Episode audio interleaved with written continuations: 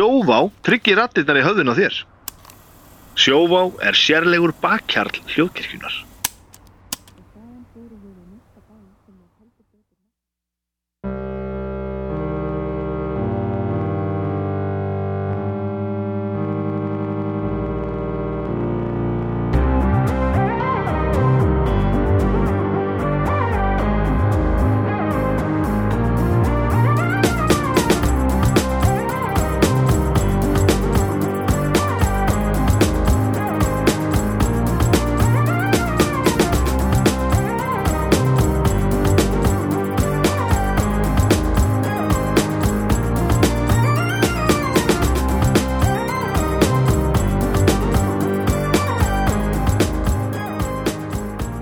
Komið sæðil ágættu hlustundur og velkomin í drauga fortíðar. Halló Þá er sumarleifið á enda og Já. ræðilegt bröðstrítið tekur við á nýju og Haustið, fallega haustið já, nú er það að koma með, er þetta byrjun ágúst þannig að rólegir fólar kannski já, það fyrir aðeins að kólna í vindurinn og býta sífelt meira og meira. já, já gólströymurinn að gefast upp og þetta Já. var allt eins og bestur á kosið Já, hann Ah. geti, nýjustu fréttir segja að hann geti verið búin að slaka mjög mikið á bara eftir eh, þrjú, fjögur ár. Já, eftir tvö ár sko eru svona verst svona Já, dómstagsbándna Ég held við séum þegar farin að finna fyrir því hérna á suð vesturhorninu allavega, eða suður. Já Já, maður ætti nú alltaf að fara að huga því að kaupa sér góð úlpu Já, Hmm. nákvæmlega. Nú skulle segja orðað þannig En ámaður að flýja eða ekki? Ég hugsaði bara neini, leiðilegast af liðið, það fer allt þannig ég verð bara áfram. Já Þetta lið sem er alltaf að væla yfir, það er alltaf kalt til að vera með göngu götu hérna, það er sem er alltaf kvart á að væla yfir ykkur það, er, í, það er ekki fólki sem er að fara að flytja Nei, það verður bara áfram að væla. Já. ok. af af hverju að flytja eitthvað annað þegar það er meira til að væli yfir eftir að hósturum hættir þá ertu bara komin í himnaríki Úff, vælukjóðan sko. Þú segir nokkuð maður, já. það verður, jú, það getur mögulega flutt norður Já, já, er til húsaukur eða bara pólinn, þess vegna já. Mm. En maður veit ekki hvernig þetta verður, sko, en ég... nei, ég, Mér finnst þetta alveg Já, ég, jú, jú, það er talað um það að sé alltaf verið að setja hitta met og, og hérna meira um skóar eldaði hér og þar og svona mm, vinkonum mínum þetta ferðast núna í Greiklandi og það er búið að vera allt búið að fresta einhverjum ferðum og vesen út af skóareldum Já, já. Einhverjar eigjar sem er í ljósum lógum þannig að ferjur þurfa eitthvað ferju vesen sko. Orðin venja að hittin sé yfir 50 gráður hér og það sko. Nei, nei, einmitt. Ekki En ég samt, það var maður hún á Facebook sá ég sem sagði þetta væri þetta væri alltaf lígi nú, já, það væri eitthvað skona samsæri en það væri ekkit alveg væri ekkit mjög breytingar í veðrinu. Ég var aldrei sjokkar já, geggjað, það er svona gaman að heyra. Já, þú veist það, maður skilur þá ekki af hverju blöðin eru að flyta fréttir á skóareldum á stöðum þar sem ekki hafa verið skóareldar lengi og... nei, er þetta ekki bara samsæri? Já, þetta er eitthvað svona samsæri. Hver skildi nú græða því svo? Það eru vísindamenn. Vísindamenn alltaf Við þurfum að fá meiri pening til að rannsaka veðrabreitingar. Já, já, það er, þetta er bara þannig er þetta með hérna álpapisúluna þarna, já, já, já, já, auðvitað. Þetta er bara rugl, þetta er bara, þetta er bara bull Já, þetta er ekki allt já. Þannig að það er bara það verður ekkert verra við þó gólstr, gólströmmurinn er mýta. Já, það verður störa svo. Úlpur er mýta, úlpur virka ekki.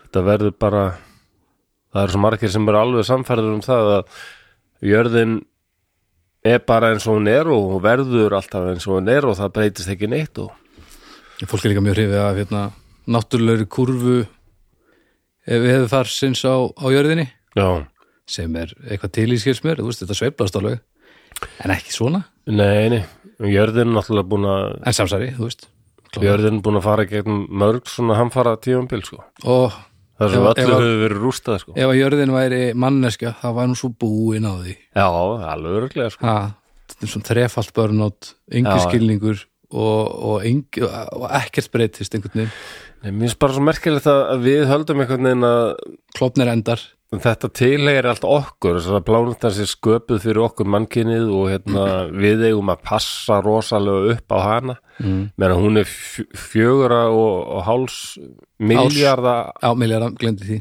já, 4,5 miljard ára gömul sko. Já, og við erum búin að vera hérna í, hvað, í þessari myndi í ykkur, já, mestarlega 200.000 árið eitthvað mm. Það er ekki eh, langur tími í samingi jarðarinnar, þannig ég held að hún spjari sig nú alveg sko. Staðin fyrir save the planet, mætti bara segja save the people sko, Það verður Eða save ourselves. Hvað ætli, ætli jörðin eigi ammælistak? já. Það er daldið erfitt að Tekur að, veist, er eitthvað svona moment? Það er örgulega til eitthvað svona save the earth day eitthvað svoleiðis. Já, en samt, er hvernig, samt líka þegar jörðin er ekki til hvernig líður tíminn þá allavega, Já, samkvæmt trúabröðun, þá náttúrulega er þetta bara Já, jú, jú, þá var þetta bara á einu degi eða eitthvað. Glæ, og glænýtt ég líka brakandi ferst alveg. þetta er bara nokkur þúsund ára gamalt sko. Það er rétt. já, já, já Ha, þetta er bara bull þetta er allt samsæri Já, það er víst, ég, já, já.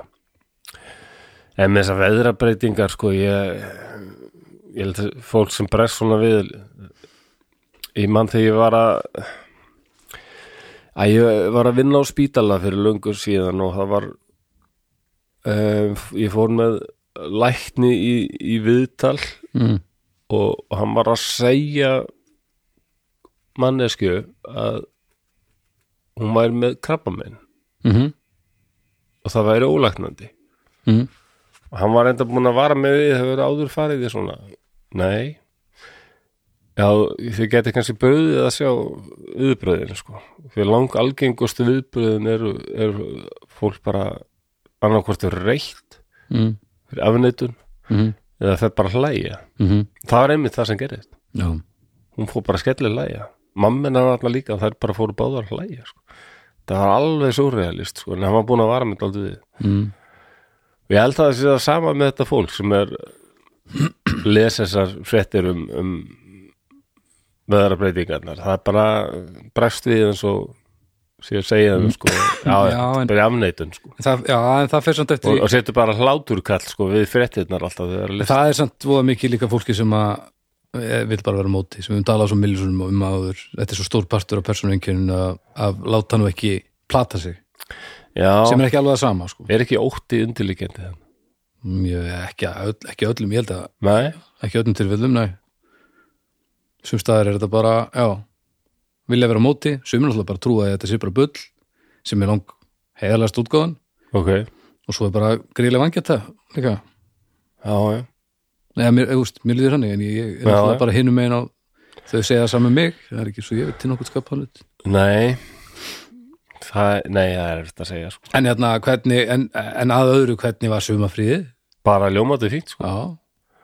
Fegstu þér ís, Ég ætlaði að fara meira, ég komst lítið til að það einhvern veginn passaði alltaf svo illa að fara eitthvað mikið út úr bænum. Ég, það er nú, já, nú ágúst eftir, hann er alveg að skjótast eitthvað. En uh, já, ég er dögulega frá mér ís. Ég fóð til Noregs hérna í lok júni. það er úr bænum, Já, alltaf síðast Fór á- dreif, já, vinnum minn er að dreif mig og, og, og, og tvo aðra vinni sína, dreif okkur þrjá mm. Með sér á hérna rockfestival í Oslo. hopp, hopp, hopp Það var rosalega skemmtilegt. var oltið og vagga eða Já, það var alltaf það ekki. já, já, það var bara þetta, já, það var langt síðan við farið á festival, ansi Já. langt, bara síðan Roskilde 2002 eða eitthvað.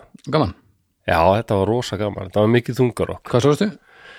Já, það, Guns N' Roses og Pantera voru svona Mhm. stærstu nöfnin held ég, já, Iggy Pop. hvernig voru Pantera?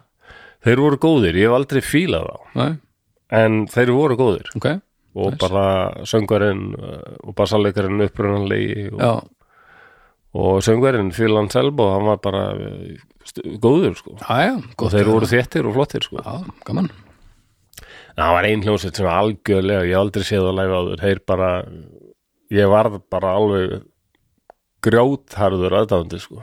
Ok, ég alltaf fílað en aldrei hlustað mikið á það sko. það voru henni fransk Gojira. Já. Fílitt rosalegt band live. Þetta er ekki eðlilegt liveband sko. ég var alveg bara er, blown ekki, away þetta er ekki hægt. Nei, og svo þarf náttúrulega bara við þurfum að hætta, við þurfum að taka allt þetta vísindafólk sem er eitthvað vesenast í þessu uh, hlínun jarðar seti já, og setja að rannsaka gítarsandi hjá Góðsýra já hvað er að gerast? Er af æðislegt. af hverju er þetta svona svona þétt og samt svona Ég pönt, veit það. af hverju er þetta svona þungt og samt svona pöntsi hverju er þetta bæði hverju er þetta svona, svona reynir tónar en samt næstu í ásláttur hvað er að gerast já, þetta? þeir eru alveg frábærir Við setja bara allt okkar fólk Já, í já, þetta það er alveg rétt Já. og svo eru þeir með æðislegan bassalegar líka besta bassa soundið á öllum sem ég heyrði það var á honum sko. en var ekki langbesta sandi á þeim af öllum? Jú, það var alveg ótrúlegt sound. Reynda var mjög gott sound á Behemoth líka. Já, það ég setti þá öðru setti Já, það var alveg sko svakalega maskina líka geggjað band sko. Í þriðja bronsið tóku vinið mínir Napalm Death. Þeir voru æðislegir það er svona annars, annars konar nálgun sko, en ekki, síður mikilvægt það var alveg sloppy en það var svona það var bara svo mikil kraftur og, og ég hugsa að ef Gojira myndi til dæmis taka svona Napalm Death tribute það er í skrítið, það er yfirlega skrítið. Allt ægilega spot on og geggjað. Það væri erfitt að myndi sem Napalm Death að taka Go Tira lögur í já, ég gætu það ekki. Nei, en það ekki, hefur svo sem ekkert með þá að segja. Veist, það, það er ekkert marg það geta heila yngir gert Gojira góð skil nema þeir bara. Nei, nei, það er nákvæmlega uh, Guns N' Roses ég held ég hef aldrei séð það áður og hérna var aldrei spenntur sko mm. en þetta þeir voru rosalegðilegir Já. miður Jæja. og greiði maðurinn hann hérna Axel, já, hann alltaf hann þarf að fara Axel hann var kröftur söngværi núna sönga bara Welcome to the jungle Já. söng svona hann þarf að fara Axel er ábyrgð ha, hvað sér hann þarf að fara Axel ábyrgð á, á þessari hegður sinni já, og, og stíða til hliðar. Axel Ábyrð þetta Ok. var, hann gerði mikið Axel skaft þarna sko. Wow, mjög gott. þetta var ekki gott Nei, það, Nei. við erum nú bara komið frí við erum, við erum afsökun. Erðu, þannig að já. en, hérna, að og við höfum nú gert við höfum gert þáttum Edward Munch Já, ég bara, sem þó því ég segi sjálfur há bara mjög skemmtilegu þáttur. Já, það er Patreon þáttur sem Já. var sko auka þáttur. Örþáttur, sem er alls ekki örþáttur nei, hann er hann er tveir tímar bara af hardcore munk, munki. Átt að fá sinn eigin þátt sko. Að, en ég dróst strákan einmitt á Munch-safnið í Oslo já, af því ég var var með þá kenningu menna, hann er fyrst í black metal norsærin sko. já, já, ég skilji já, það en, er bara ekkert nema eimd og, og harmur og dauði í öllum verkunum og verkin heiti eitthvað eins og vampýran, það er svona fólk sem er í fæðumlögum og svona eins og konan sé að alveg faðma mannin svo heitir verkið vampýra þá hvernig færa það á sig allt aðra mynd sko. það er eins og að segja bítan og sjúga úr húnum bara alltaf er og hún er svona með raukt hár og, og svona lífleg með maðurinn alltaf gráur og guggin sko. já, og svo er bara verk hérna sem heitir Blossom of Pain. Menna þetta gæti bara verið er titill á lægi með Marduk sko, algjörlega, sem er döður og sveit frá síðóð þetta er bara negla. Já. Og þeir voru, þeir, bara, þeir voru mik miklum áhrifum mung sko. þeir bara, þeir, var þetta alveg frábært. Já. þau bara óbyðir ekkit langbesta verkið sko. það var margt að annað mjög flott. Já, þannig að Já, þannig við ætlum að fara aftur á miðaldra kallara á, hérna, á rockfestival klónlega já, næs gott að heyra. Um, þú varst þú að spila á einhverjum festivalum núna? Er, er vakkan ekki bú- Vakkan er, það er þegar við erum að búið. taka upp það, nei, það Nei, er, það er sagt- núna bara, það er þáttur fyrir loftið þá er það helgin eftir. Næsta helgi er- sagt. Og þið eru þar? Já, það er einhver nokkur festival, svo erum við ekki út plötu bara eftir nú, hálfa mánuð eða eitthvað. Já, við erum þá tala um skálmöld sko. Já, þeir sem eru að lusta það ekki lótu halvvitana svo túr og eitthvað, og eitthvað. Lótu og svo, er, halvvitana og vakkan svo er líka hálfvitar að spila og og eitthvað, er aðeins brjála já, alls konar að gera svo já, glæsir og, og hérna, já, við fórum til Danmerkur með stelpunar og svona, þannig að það er svo stuð. Já, ok, þið hérna ekki skálmöld heldur þá þú Jú, við, og við skálmöld fórum bara til Danmerkur með stelpunar já, já, akkurat. Nei, bara, Nei. bara við vera sko. Og Já. þetta var geggjað. Slaka mann Já, Danmörku fín sko, voruð ykkur Tí- svona Tívolí og- Beðland eða eitthvað svona Beðland Já, eitthvað svona það er, Við fórum hérna vísindarsatnið maður. Er Stjöðlega gaman. Já, það er frábært. Það er er ógeðslega gaman. Það var alveg hápuntur sko Það er bara frábært svefna sko. Lilja el- elskaði það sko. Já, ég skal trúa því sko Manna svona minn var alveg dýrkað þessi söfnali í, Já. í En- Köpunöfn En sko, við erum hinga konni núna til að Refsa mér Nei, já, en líka gleðja Já. gleðja mjög mikið alþýðuna, myndi ég halda Já, því nei, við þetta er- erum búin að tala um þennan þátt Já, alveg ofbúðslega lengi já þetta var orðið svo kallar running gag. Já. Og uh, eins og þegar við mögulega síðan titlinum, ég veit ekkert hvað þessi þáttur heitir ekkur núna. Landbúnaður í Albaníu. Það er til dæmis mjög lýsandi. Já, já, já. Uh, það kom upp svo staða um daginn, ég man ekki hvort ég er búin að segja frá þessi opnum þætti að, að það er sérst uh, djáknar og, og flósar þorginsbólarinn á Patreoninu hjá okkur. Fá að kjósa um uh, úr þremur málum uh, mánaðarlega og við búum til þátt upp úr því og, og síðasta, þar síðasta kostning sem við vorum með þá uh, áttir þú að vera löngu búin að setja hann inn og ég sagði því í þætti á Patreon ef það verður ekki komið morgun þá set ég inn þetta og þetta og þetta og þú settir ekki inn. Það var saga Vasselds fatnaðar. Já, já, það var gláka. Já, og það var eh, landbúnaður í Albaníu. Já. sem að þú hefur oft talað um sem erfiðasta viðfóksetnindi sem þið getur mögulega dottið í hug að gera áhugavert. Jó, ég oft talað um að það á að vera hægt að gera allt áhugavert nema, Nema kannski, kannski, akkurat. landbúnaðar sögu Albaníu. Og núna að því að þú þú, hérna, þú, þú stóðst þig og settir ekkert inn þá var þetta sjálfsög fekk yfir þetta var svo ævintýralegu sigur Já, var Þetta var rúst. Landbúnaðurinn slátraði þessu, uh, þessari kostingu. Já, hér erum við. Og nú kemur ljós hvort séum raunverulega að grafa okkur eigin gröf já eða, það kemur bara í eða hvort þetta hvort þetta sé bara Já, okkar vel sko. ég bara, ég bara veit það ekki. Það Ég- kemur eins og segir þetta, ég er mjög spenntur allavega. Þetta verður bara að vera svona. Þetta er tímamót, ég er ánægð með það. Já, ef við ekki Jú, jú, ég bjóð til eitthvað svona eitthvað svona lestur þar sem við getum ímyndað okkur. Já, já. Ég er svo og klárið svo bara, já við sjáum bara hvernig þetta gengur. ég- ég klár. það var dálítið krefjandi en ég- það var ekki beint leiðilegt að gera það Góðum með það, góðum með það All right, ágættur hlustundur setið ykkur í stellingar því nú er komið að því að særa fram drauga fortíðar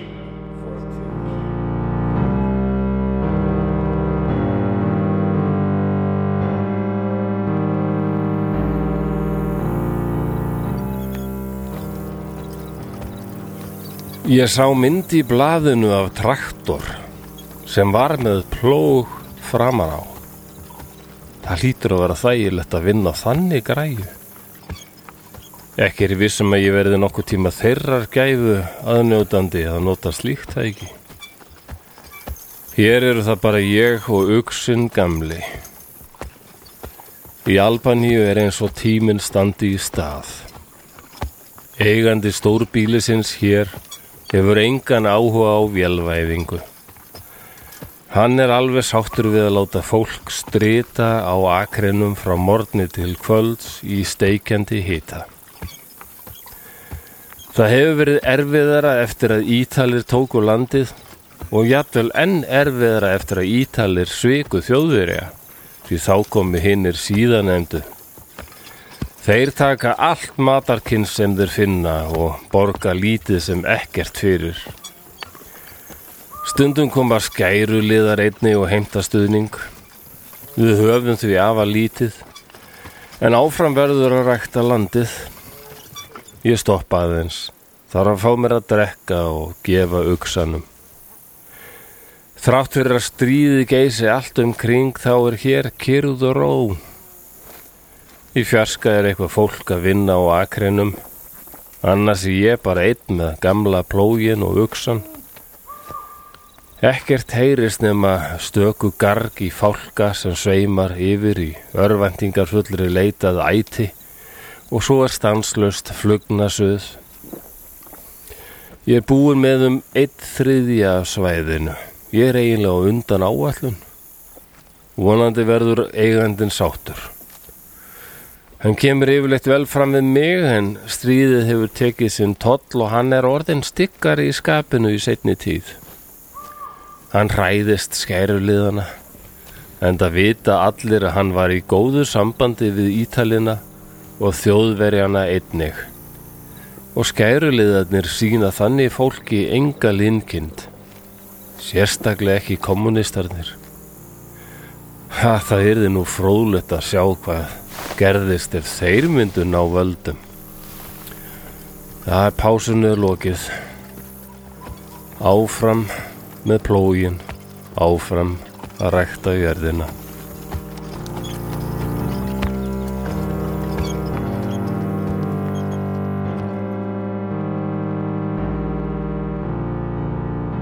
Já, þetta var nú bara allur lestarun sem ég gerir. mm. Ah, það var nú meira dramin ég ætti vona á er það? Já, Já, þetta, það var já, ég var að ímynda mér að þetta væri svona cirka 43-44 mm og þessi maður veit ekki að það er mitt mikið drama framöndan. Já, já, tölur þessan Já, Albanía nefnilega er með mjög spennandi sögu. Já, Áhugaverð þjóðu, sko. mm. Uh, ef við byrja smá upplið, þú er ekki, ég hef aldrei komið þarna. Nei, Allir sem er þekki sem að fara til Albaníu tala rosalega vel um það. já, Og sumir segja Nei, ég stundum er Albanía nefnd sko á svona ferðasíðum sem hinn falda perla Evrópu. já Er Ok. frábær verðalagi lágt og það er ekki ennþá allt alveg yfir fullt af túristum sko. Nei, nei, nei. Ég held að þetta sé land sem maður þurfa að kanna Já, klálega En það líðveldið Albanía er á Balkanskaga og nákvæmna ríkin þar í kringur Montenegro sem Íslendingar kalla yfirleitt svart fjallaland sem er bein þýðing á Montenegro. Og mér finnst það bara mjög skemmtilegt að kalla það svart fjallaland. Já, já, húst og svo, svo einhvern veginn þýðu ekki Mordor sem ætti klálega að heita það. Já sem, sem kuð vera sko óbóðslega fallet land líka. Og svo eru Kosovo, Makedónia og Gríkland Mhm. og landið hefur strandlínu við Adriahaf og eitthvað við Jónahaf sem er mjög skemmtilegt íslenskt heiti á Ionian Sea. Já, um, Þetta er lítið land 2,9 miljónir og mm. íbúifjöldin fyrir lækkandi það er þannig? Já, Ok, en það er út af það er eiginlega góðu sviti. Já, sko en á sínum tíma var Albanía með mesta fó, mest, mesta sko á, í, í toppsætunum í Evrópu yfir fólksölda þau fjölguðu sér mest. Já Ok, en núna eftir, eftir að kommunismin hætti og, og bara sko ungbarnadauði hefur minkað mm heilbriðiskerfið batnar mhm, og þá bara er þá fer sko það þýðir þess að fer íbúða fjöldan fækkandi, fór bara að lifi lengur það er ekki jætt mikil enduníun já, já, já. Og hérna Albani er í umsóttanferli hjá Europasambandinu, getum alveg séð það bara á næstu árum að. Albani verði já, Gekjað Albani er í NATO, það er eitthvað sem það gerist 2014, það er eitthvað sem sko ég man eftir þegar Albania var bara norður kórið Evrópu sko. Já, og ímynda sér en Albani í NATO það var bara alveg fáralið til það var bara svo Finnland maður vissi að Finnar eru alltaf hlutlausir. Já, nú eru Finnland og Svíþjóð komið í NATO sko. já. Þannig að sko, þetta breytist allt sko. Já, já Tirana er stærsta borgin og líka höfuborgin með hálfa miljón íbúa. Og það Þetta er ekki stærra? Nei, Albani er lítill. Og, Ok, og mun minna land, ég man ekki hvað, hvað er Æ, ég skráði þetta Já, en það er hvað er margir ferkilometra kemst einna því? Já, en mun minn en Ísland sko. Já, já. Ísland Og- er líka bara aðalega pláss sko. Já, það er Rosa mikið pláss hérna Já, svona allavega veist, ef við myndum taka allir þessi fjöll og allt þetta dót sko. Já, ég meina það sko. Þú veist, þetta, þetta er ekkert allt saman á selteðan þess fermetraverðri skilur en, en þetta er alveg fullt af plási. Já. En um, það er, það er rosa atvinnuleysi í Albaníu og því er mikill fólksflóti úr höfuborginni og raunar frá landinu eins og kannski Íslendingar hafa daldi orðið varðið við. Það koma hérna, já, kemur fólk á Albaníu og sækir um hæli sem það færi yfirleitt ekki. Mm. því að það er ekki stríð stríð í Albaníu og um, þetta er ekki rétt. Það er bara þetta er ekki rétt ógn. Nei, það er bara en efnarsástandi er slæmt en það er að skána sko. já, frábært. Og en það er mikið fólksflóti úr borgunum og, og um helmingu landsmanna býr bara í sveitinni. Já, já, og aðal þjóðaframslan er bara byggist á þjónustu og mikið tengdum túrisma sem er alltaf að aukast eitthvað ok landbúnað var alltaf nummer eitt en hann er komin í annað sæti að Ó, dæmi sko. við, Já. þetta þáttur um silfur silfur methafa Já, þetta er líklega þetta er sorg að segja Já, þetta er svo er yðnaður í þriða sæti sko. úf, úf, úf. Já, þetta er bara eins og albanski podcastin sem alltaf gera þáttum fisk og eðalandið Ísland sem bara allt í einu er orðið túristalandið Ísland Já, já. Túrismin orðin nummer eitt. Ég það. Ég held ég myndi aldrei sjá það heldur sko. Ég er bara, maður bersti því, maður sá fólk með bakboka maður bara lappaði að þeim og spurði bara hvaðan eru þið? já, Sjá okkur á útlendingarnir í bæ, það er alveg ótrúlegt. Það er búið brettast Ég- Já, ég held reynilega smá. að séu útlendingarnir í bæ. Já, og engin með bakboka nei, Nei. það þurfa það ekki af því að húsið er að liggja við höfnina. Já, nákvæmlega Já. Mm. segja kannski ekki meira um það. Kannski fara hans yfir söguna áður um dembum okkur í alveg landbúnaði. Hardcore landbúnaðartal. Nei, er Já, já, ég varð að tala eitthvað um söguna en, já, já, ég meina, þú bara gerir þetta eins og þú vilt. Já, já. Því bara, já, svo segir fólk bara þú segir hvað þeir finnst og svo fólk segir hvað þeir finnst. Þetta er spennandi. Já, eh, Albanía fær sjálfstæði frá Ottomanveldinu Tyrklandi 1912 og helsta hetjar þeirra er daldið eins og hérna eh, germanska hetjan og nú er ég búin að gleyma nafnin á honum en það eru þættir um hann á Netflix. Hann var tekin sko ungur af rómverjum og hmm, Gjöf Æ, það eru þættir á Netflix sem heita Barbarians eða eitthvað svoleiðis eða já, eitthvað svoleiðis. Og erum til dæmis um, um orustuna í Tjútuberg skogi það sem já drullu, Rómverjar byggðu alveg rosalegt afhróð og Já, hvað hérna- hann þessi gaur? það er ekki flank, flankvesinið drullu, Jú, drulluplanið. Jú, og þeir, þeir beittu svona mikið sko, svona einhver svona skærulega taktík og svona, þetta var alveg hryllingur þeir sáu vel aldrei óvinnir sko, bara en býtu, Ottoman veldi, hvenar hvenar endar það? Já, það er í raun sko Tyrkir tapa taka þátt í fyrir heimstyröld já, og, og eru því hluti af þeim sem tapa þarna 1918 þannig að Já. formlega Já. bila lokið þá sko Já, já. Eftir, eftir það rísu upp þarna nýtt Tyrkland og Kemal Atatürk kemur þetta fram hersöfingi segi bara við, við bara Tyrkir þurfa við þurfum að horfa til framtíðar sko bara Tjú, segla hætti að vera svona gammaldags sko. segla samt í einu veldi sko. Já, heldur betur sko, Þetta er þetta var rönn. rosalegt veldi líka. En þarna einmitt 1912 er, er það orðið mjög veikt, Já. vægast sagt. Herri, ég skal finna nafnið á þessum Já, drulla. Hermanus, eða Arminius Arminius, alveg rétt. Armenius. Arminius, ok, ég er nokkuð viss um það. Já, já, viltu ég doppeltökið það? Já, ok, en haldur bara áfram. Arminius uh, German hero. Daldið vesen af því að nasi Arminius, Já, hann var semst al, hann var germanni tekin ungur sko og alin upp hjá okkur rómverskri fjölskyldu. Mm.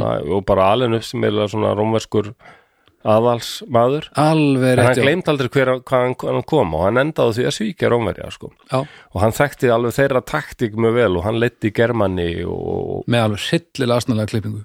Já, með örugglega- þættina en, örugglega, já, já.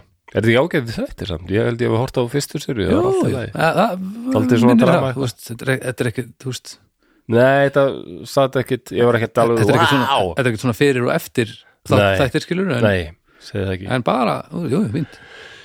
En ég vil geta að gera þáttum þess að hennan Tutoberg slægin hann, hann er það var mikið vesen fyrir þjóðverja Já, en er þáttunum Albanir eiga hetju sem heitir Skanderbeg sem er líka, Skanderbeg já, hann hefði myndi verið tekin og þeir voru mjög hataðir sko ottoman veldi að þeir, þeir tóku oft sko komu bara og tóku unga drengi frá fólki sko mm. sem voru síðan aldir upp í Istanbul eða ekstar í Tyrklandi sem þrælar en gerði þeirra hermönnum líka sko. Mm.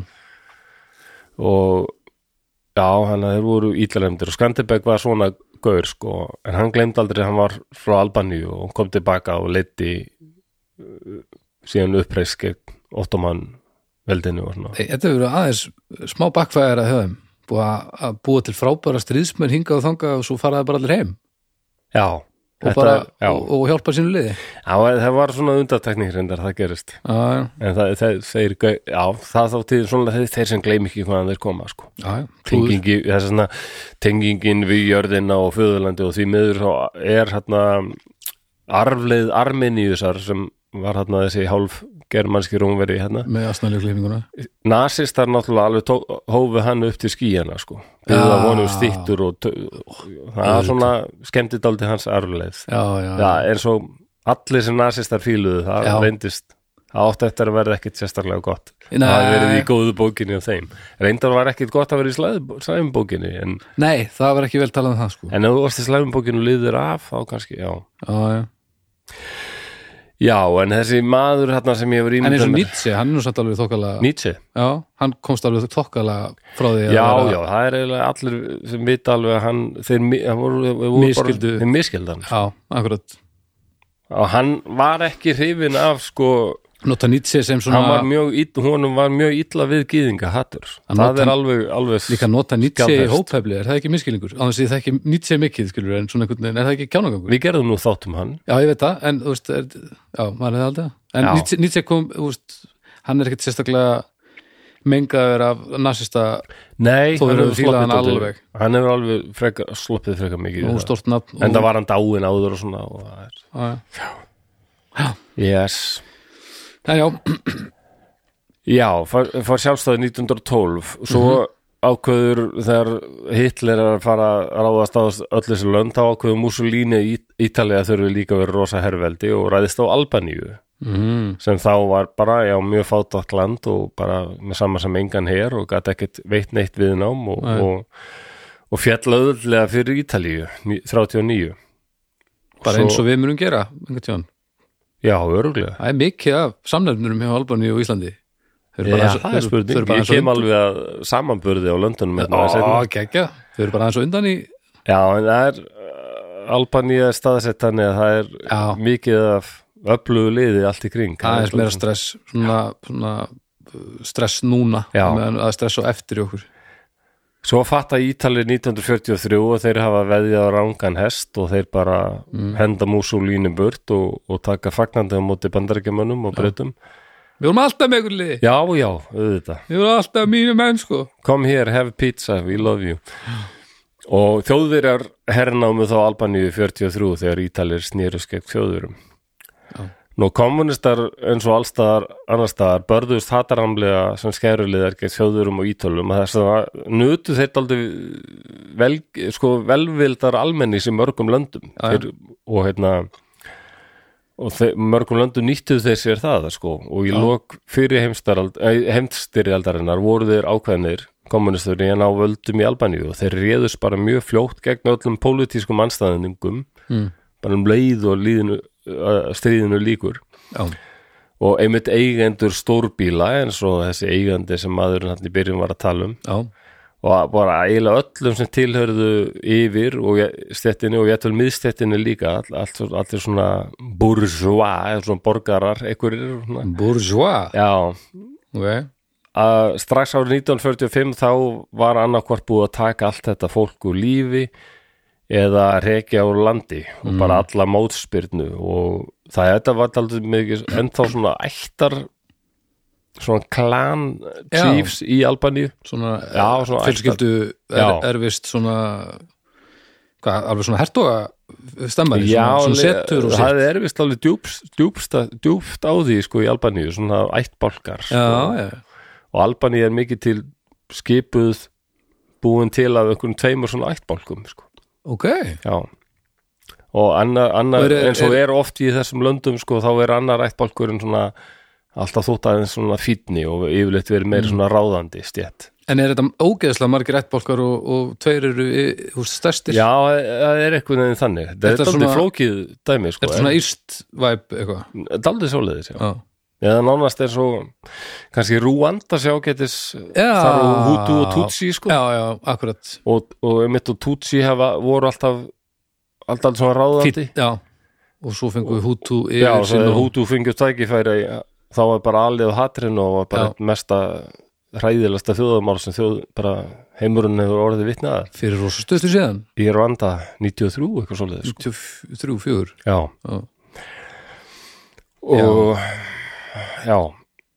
ok, og uh, þeir tóku líka flesta þessum hátsættu ættöðingum og, já, og já, hérna, þeir hjúku semst hausan af öllum sem voldu ættum sko. já, ok. Þúsundir tektir að lífi fyrir, fyrir innan gerðsalið bara stríðsklæpi já, og allir sem hefðu verið í áður fyrir í valda miklum embættum þetta var, þeir reynsuðu rosa til. Mm. kommunistar rosalega tuglir í að reynsa til. Já, þeir eru ekki ég er mikið alltaf að leita á netinu hérna, kommunista þrif hérna, en hérna, já, þeir komið bara með hamar og segið, já nú er að reynsa til hérna. Já, já, að- þurfum að myrða íbúðin eða við þurfum að myrða stegangin Jú, jú. Kommunismin endar síðan 1990 hjá þeim ok, og árið eftir það eru í fyrsta skipti kostningar síðan 1945 þar sem fleiri neitt flokkur eru bara, það eru alltaf kostningar í Norður, Kóru sko. Já, og akkurat. hérna Kim Jong Kim Jong-un sem núna hann er, hann er alltaf kosin í embæti sko. það er bara eins og virsæll hann fær alltaf já, já, já, ég meina hann er bara þetta er ekki nei. þegar maður er með svona fylgi og strax 2009 þá svo til landum aðild að Europasambandinu og 2013 voru kostningar sem fyrst skipti sem voru kostningar sem það voru sko alþjóðlegir uh, svona hvað er að kalla observers? Já, sem fylgdust með? Já, já, og hérna þetta, þessar kostningar voru alveg líðræðislegar svona alvöru já, Albanía Alveg þar er bara að losa sér aldrei við spillingu sem ennþá er aldrei garðsverjandi ok, en já, 2014 fyrir Albanía NATO-ríki og Mhm. 2019 fekk Albanía alveg svona formegan stimpil sem European Union Candidate sem þýðir að þeim, þeim, þeim hefur alveg orðið ágætlega ágengt ágengt, maður það ekki Jú. Jú. Eða, Já. í, í að þeir vilja mjög gerna að komast í Európa-sambandi akkurat og hafa þegar fengið alveg svona 1 miljard evra í stuðning frá Európa-sambandinu til að liðka um bæta sko landamara vörslu, mm. taka á spillingu og glæpum og bara laga infrastruktúrin, það er ákveð, ákveðin hlutir sem þurfa að vera lægi áður en hún kemst inn í Európa-sambandi næs Já, en þetta er mjög áhugavert ríki. Ég verða aðeins að tala um, um kommunisman og hann Enver Hoxha sem bara var ég maður sko ég var þegar ég var ungu maður hafði rosa trú á mannkinu og vildi berjast. Hmm. já, já, já, dúl, og, og var í skráði mig bara í Amnesty International þegar ég var 19 ára eitthvað og ég senda alveg bref til til Rúmeníu og mann ekki hvort ég sendi til Albaníu. Eitthvað til aust sko það var alltaf reglulega að koma frettir frá Amnesty International um einhvað fólk sem var sem var sko bara Já, til dæmis manni ég sendi breyð til Rúmeníu til Sjáseskus og skipaði hann um að leiða svo haldi mann sem ég mann sem ég mann ekki alveg hvað hétt sem var bara ljóðskáld. Já, lítan ekki? Nei, eh, ég veit, ég, þetta var nú bara rétt áður þetta, þetta breyð hefur örugglega haft mikil áhrif þegar bara, já, er þetta rétt áður bara, bara árið setna þá var, á- tveim ára setna þá var bara Sjáseskus tekin og skotin já, hefur bara fengið þetta Þetta hefur hvað er að gerast? þetta er nefnilega þetta er vald, þetta breyð hérna frá Íslandi? þetta er vald pennans flósi Ég held að, ég held það nefnilega.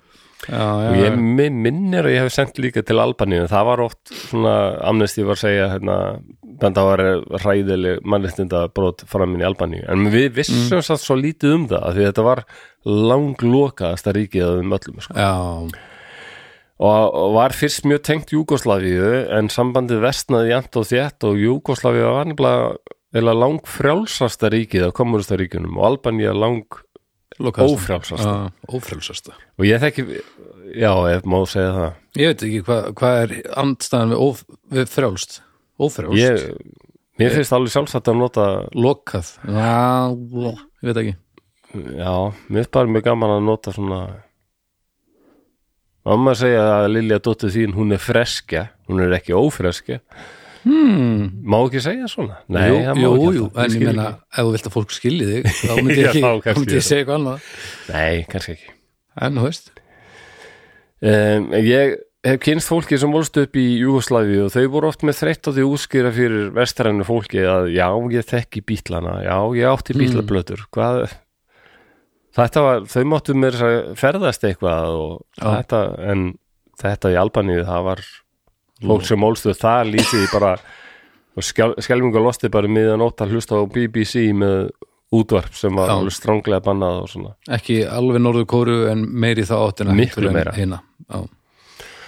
Og setna meir þá hríðvestna líka sko samband Júgoslavíu við Sovjetiríkin fer alveg hríðvestnandi en það Já.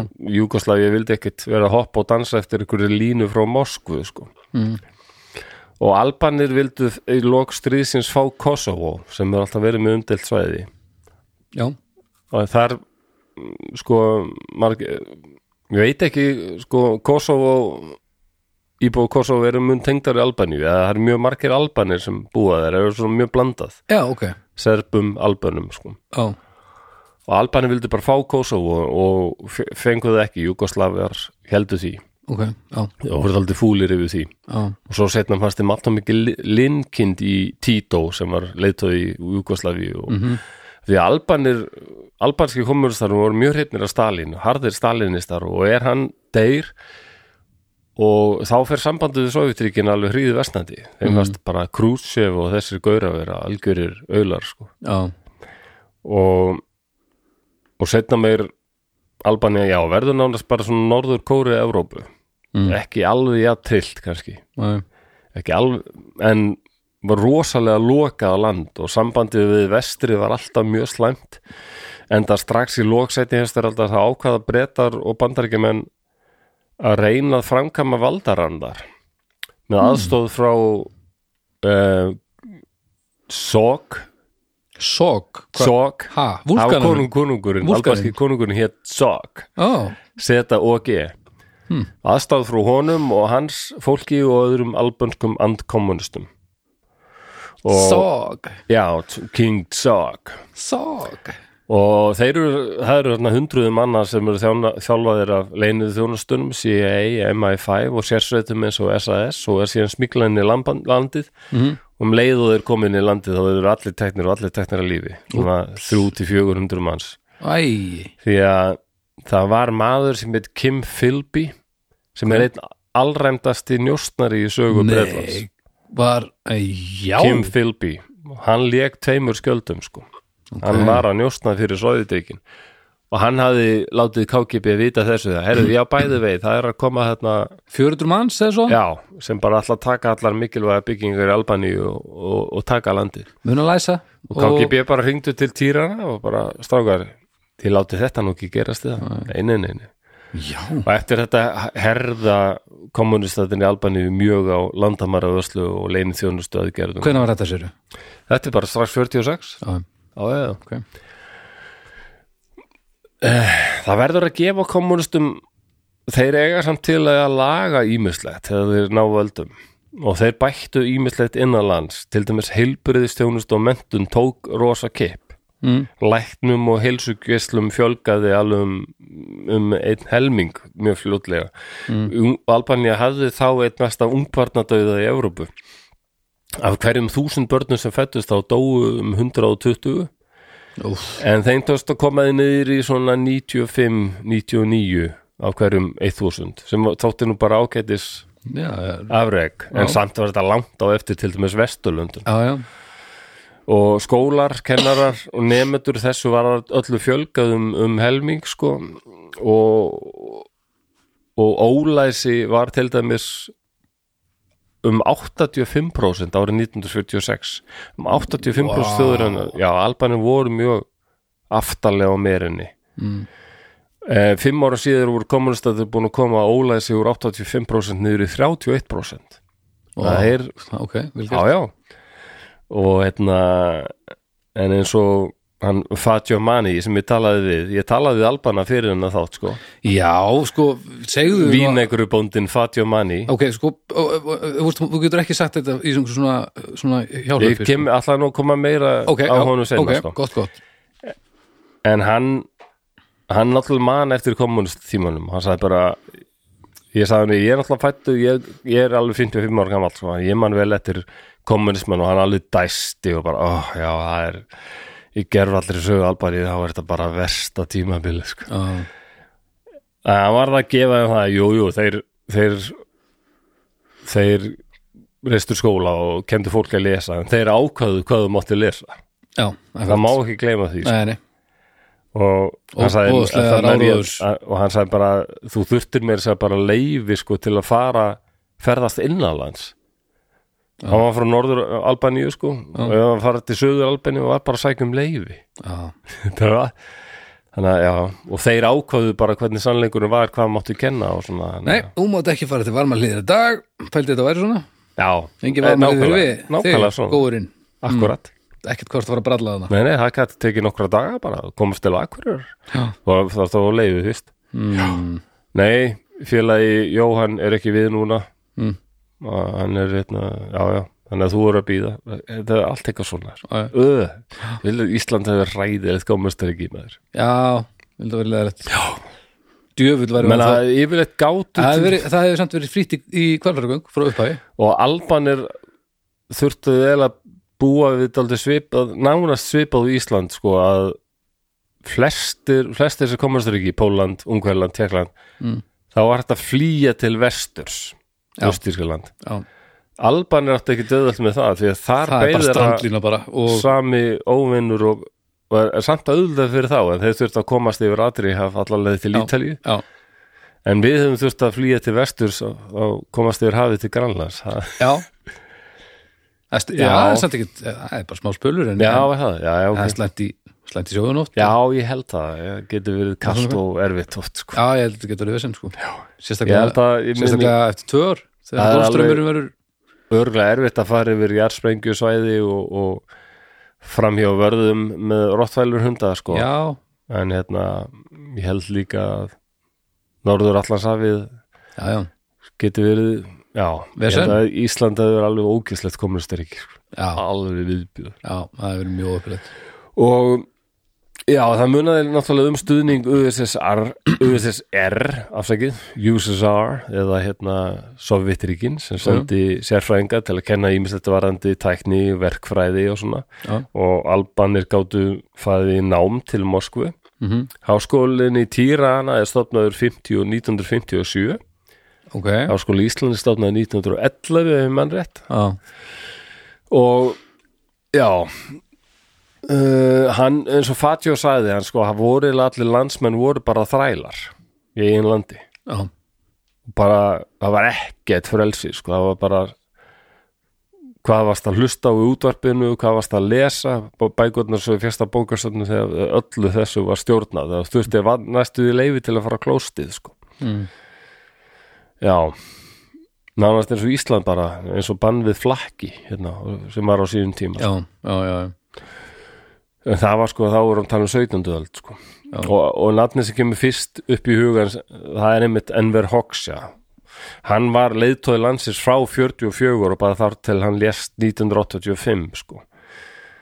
Og hvað hann, hvað heitir hann? Enver Hoxha. Það Hoxha. H-O-X-H-A. Hoxha, já, ég held sem búið frá Hoxha. Já, og hann var oft kallaði bara Enver af svona albanski skólakrankar lærðu að syngjum Enver frænda og hvað Enver væri góður við okkur. Mm, og það ég held að sé ennþá sko að það er eitthvað svona kalksteinn sem er í sumu fjöllum í Albaníu. Mhm, og það var grafið í eina fjallslíðina sko það stóð risastórum stöfum sko bara Enver ég veit ekki hvort það er ennþá þannig? Vá, en það var að finna myndir af því sko, það bara sást bara fjall bara svona hvíti stafir stafir enver ok. Vá, þetta er magnað. Já, ég ætla Já. nú ætla ég að skora á húsíkinga að að skera út, hérna, klipp út guðni í lúpjununa nákvæmlega. Það er ekki eitthvað? Jú, Já, ég hef alltaf að hugsa að eitthvað svona góður trollar í Albaníu þau geta sett D hérna fyrir framann það er örugglega pirrað kommunistan að staði bara Denver, Denver? já en hérna Og svo getum við bætt við slun já, nákvæmlega Þá eru, þá eru að dansa á, Er það, þetta ekki stór steinn eða? jú, þetta er Ægilegur kalksteinn. Já, þetta er eins og stort en já, já. Það einstaklingsfrelsi var alveg aflægt, sko, trúabröð var algjörlega bönnuð í Albaníu. Mm. og miklu harðar tekið á þeim sko heldur en annar staðar. Ok bara flesti klerkar eða aðri trúaleit var bara einfallega bara fangelsaðir eða Voru lífi. bara bönnuð já, Bara allt? bara, Bara allt já, það var enga kirkjur en veitt sko. Bara kommunismi já, það voru ennþá sko kirkjur og prestar í Pólandi og Sovjetríkjunum Albani Já. bara tóku þetta allt sko Ok. Kláraðu. og það var meira þess að bannað að vera með skegg eða of sítt hár því það þótti minna og sérstaklega skeggið þótti minna um og á Íslam sko mm. sem hefur alltaf haft uh, mjög verið mjög st- stert í Albaníu. Eins og í Bosníu sko. ok. Og hérna ef eitthvað þótti of tengt Íslam eða Vestalundum hafa tekið harkalega á því. Og á flugvöllinum í Týrana var meir sér rakarastofa sem var einvörðingu bara fyrir þá sem komu til landsins og höfðu annarkvort ekki hýrt af þessari Mm. reglu eða þóttu bara ekki alveg standast kröfunar vera með ómikinn hýjung eða Ef við færum núna Já, á þessu, ef við myndum lenda þarna Já. við erum alveg teknir í gegn já, já, við erum þetta, Þið eru handónýttir, myndu við segja já Já. en bara ef þið setjist ekki í stólinn þá hérna, Drullið ykkur bara heim þannig að út ykkur skeggjaðu þjóðvir hérna Já, 1971 að mæta til vinnu í sendiráðinu það bara beint í stólinn með þig sko. Mhm. og þetta var pyntingum var beitt óspart og það er alveg talið að alltaf 30.000 pólitískar anstæðingar hafi verið teknir að lífi á stjórnvöldum sko. ég að Já, kannski já, fleiri ok. Og eins og Stalin þá hreinsaði hóksa reglulega til sko. það var svona Já, Þannig að halda að þeir sem stóðu honum næstir voru fannir að vera svona já. einum á góðu með sig þá var svona, Kommunista nójan já, þá hreinsaði vel til og skipaði og gerði það, eða menn og sendir í endurmentun Já, en hérna, Endurmenntun. já, Shit. endurmentun því líkt að rágnarni já, það er svona að gleyma hvað komurusnin gengur út á og bara, Já, já, það var svona kynverjar voru mikið með þetta til dæmis, sko. mm. bara fangabúðir þar sem frá morgni til kvölds varstu bara að heyra einhverja kommuníska bara áróður, áróður, Áróður, áróður, sko. áróður, áróður og þá til að heilin í þér gefur sig já, og þú bara segir já já, já, já, já félagi já, já, Já, já, akkurat en samanburður við Ísland núna sem sagt, sko, Já, er að til dæmis að sko Ísland eh, kemur betur út. Ok. Uh, um 7,7% af gross domestic product er það ekki verk þjóðarframlega jú. Mm. uh, fer í mentun á Íslandi en aðeins fjögur í Albaníu. Ok, og það er miklu meiri sko á haus er miklu meiri þjóðarframleysla já, eða 53 54.000 dólarar á Íslandi miða við sko 13.000 dólara í Albaníu. Já, og við erum með miklu minni atvinnuleysi. Já. Það er um 14% í Albaníu en alltaf samkvæmt þessum tölum sem við með er það um 3% ég veit ekki hvernig það er núna. Ok, Þetta, hvað, veistu hvernig þessi uh, tölur það er þetta, bara, þetta er frá bara þremur, fjórum mánu síðan held ég. Ok, um, við erum með sko hámars eða sko hámarsaldur er 78 ári í Albaníu við erum ennþá með hvað 83 mm. liðum lengur. Mm. um, það eru alveg 100 manns á hvert ferkilometra í Albaníu en aðeins 3,4 hér. Já, en við höfum pláss þeir hafa miklu minna pláss. Uh, við höfum líka aðeins meira af sjúkararúmum ok. Heldur en Albanir eða 3,4 en Albanir eru með 2,9 á hverja 1000 íbúa. Ok, um, við erum með mun minni ekki bara 3,4 það hef ekki minni skuld að, nei, nei sleppa þessu 0,4 rúmi. Það Já, er, þetta er bara er nota- statistík. Það er ekki þetta að nota þetta sko. Nei, Stend, sko, það stendur ekki eins og sé public debt hvort það er bara skuldir, útvistandandi skuldir. Já, landsins sko. 40% af verkri þjóðarframlegslu er metin sem skuld á Íslandi en alveg 72% mm, Albaníu já, ok og við notum internetið tölvöld meira en Albanir eða við erum nú ein mesta internet þjóð veraldar sko. Við erum er bara, í 100% sko. við erum styrluð Já. þegar kemur á stendur bara 100% já. 100% net já, já, meðan sko 79% albana eru hafa aðgengi í internetinu. Já, já, uh, albanir sigra til dæmis þegar kemur að því að eiga skóa eða hvað segirðu? skóa, tré. Í skóga, Já. já, já, já, með G ég heyrði ekki geð eiga skóa, bara, hvað er skói? já þeir eiga miklu fleiri skó. Hvað er skói? Þú já, skó, já, það er mikill skói eiga skóa ég segi maður það ekki, en það er ekki þannig í fleirtölu. Jú, jú, ég bara heyrði ekki þögla geð, eða ekki. Það er alveg sko 28% eitthvað svo liðis eða nú meira held ég á landinu sem er skói vaksið meðan þetta sem hægt er að nýta allavega. Mm. meðan við erum bara með 2%, 2% sko. já, og þeir eru, alban eru fleiri en við. Já, tilfennilega fleiri. 2,89 miljónir meðan við erum 0,36 miljónir já, um, erum með miklu meira landbúnaða svæði heldur við líka. Eða um 25% meira. Svæði sem þeir geta ræktað. Já. Ok, annars er lamp, Albanía það er alveg fjöll það líka. Þetta eru víst, alla myndir sem við séum frá Albanía þetta er ofaslega fallet um, og þar sem Albanía er miklu fleiri þá hafa þeir meiri pening en svona á haus eða minna já, sko. akkurat við höfum miklu minni verðbólgu en við. Já, já, tölvöld minni. Ok, og það er nú að ganga.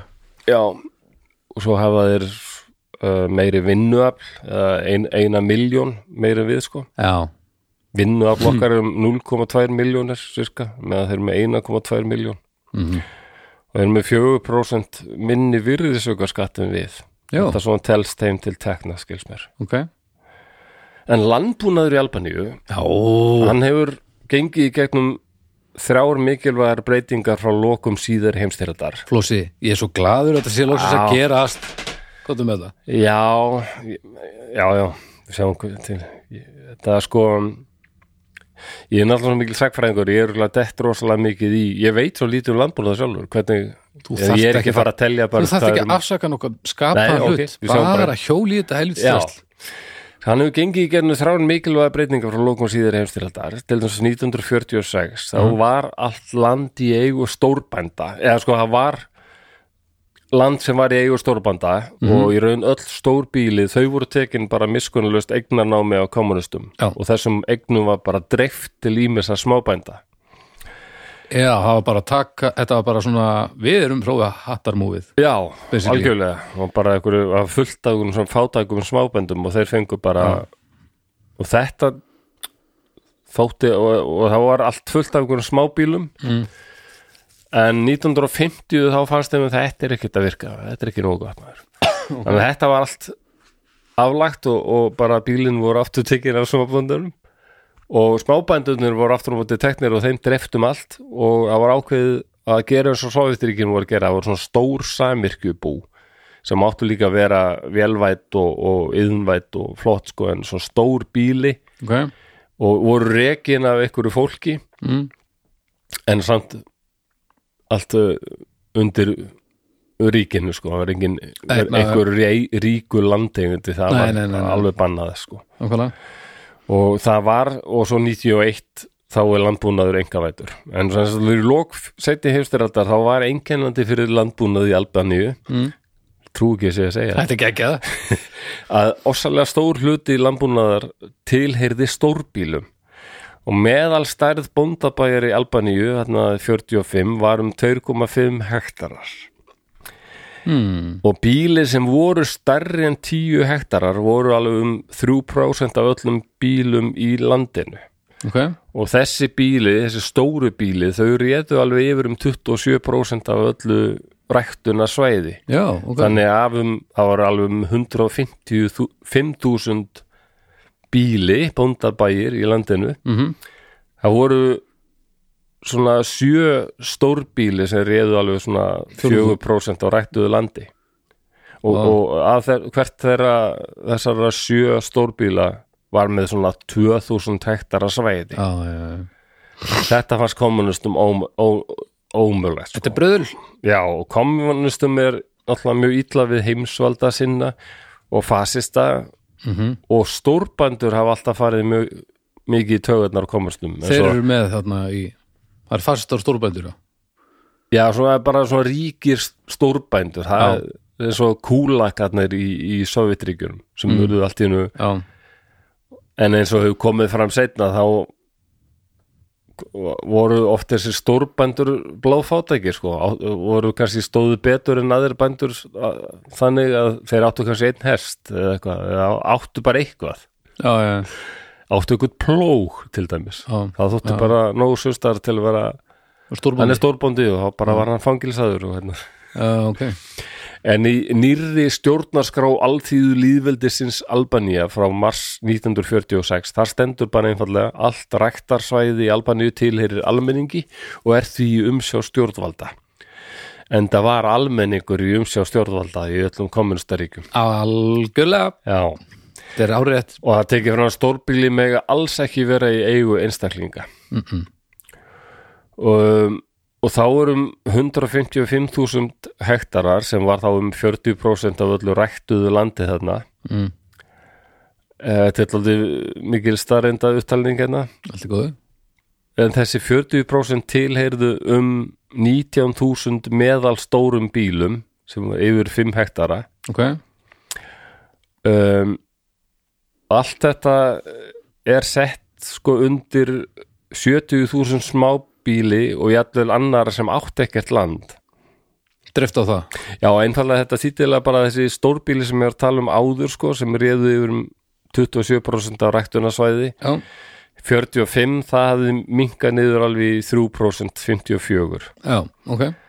Og þá er alveg 90% af öllu landbúnaðasvæði sem var í eigu eða umsjá lítillega með að stóra þá var eiginlega, eftir breytingu já, já. þá um 90% af öllu landbúnaðasvæði var þá í eigu eða umsjá lítillega eða meðal stóra bíla sem Já. var bílinu 1 til 10 hektarar já, ok, þetta er kannski ma- já, en þetta var rosalega mikil breyting rosalega mikil breyting Já, og bara, bara svona kerfi. rosalega kaotíst það bara hún bara kallaði að skrifst og hvað er þú, ég heiti Baldur og áttu áttu eitthvað land já, ég, já, ég þetta eitthvað pínu- Helselling. nokkur, nokkur hundur fermetra sem fjölskylda með hinn og eru áttu já, nei já, hér að þú þú bara sendur þarna og þú ert með þessa 500, nei, með þessa 1000 hektara og þú ert bara að sjá um þetta og Mhm. kannski fólk sem það er svo rosa breyting og fólk sem hafði kannski búið á sama svæði mörg hundru ár og sama fjölskyldan allt þetta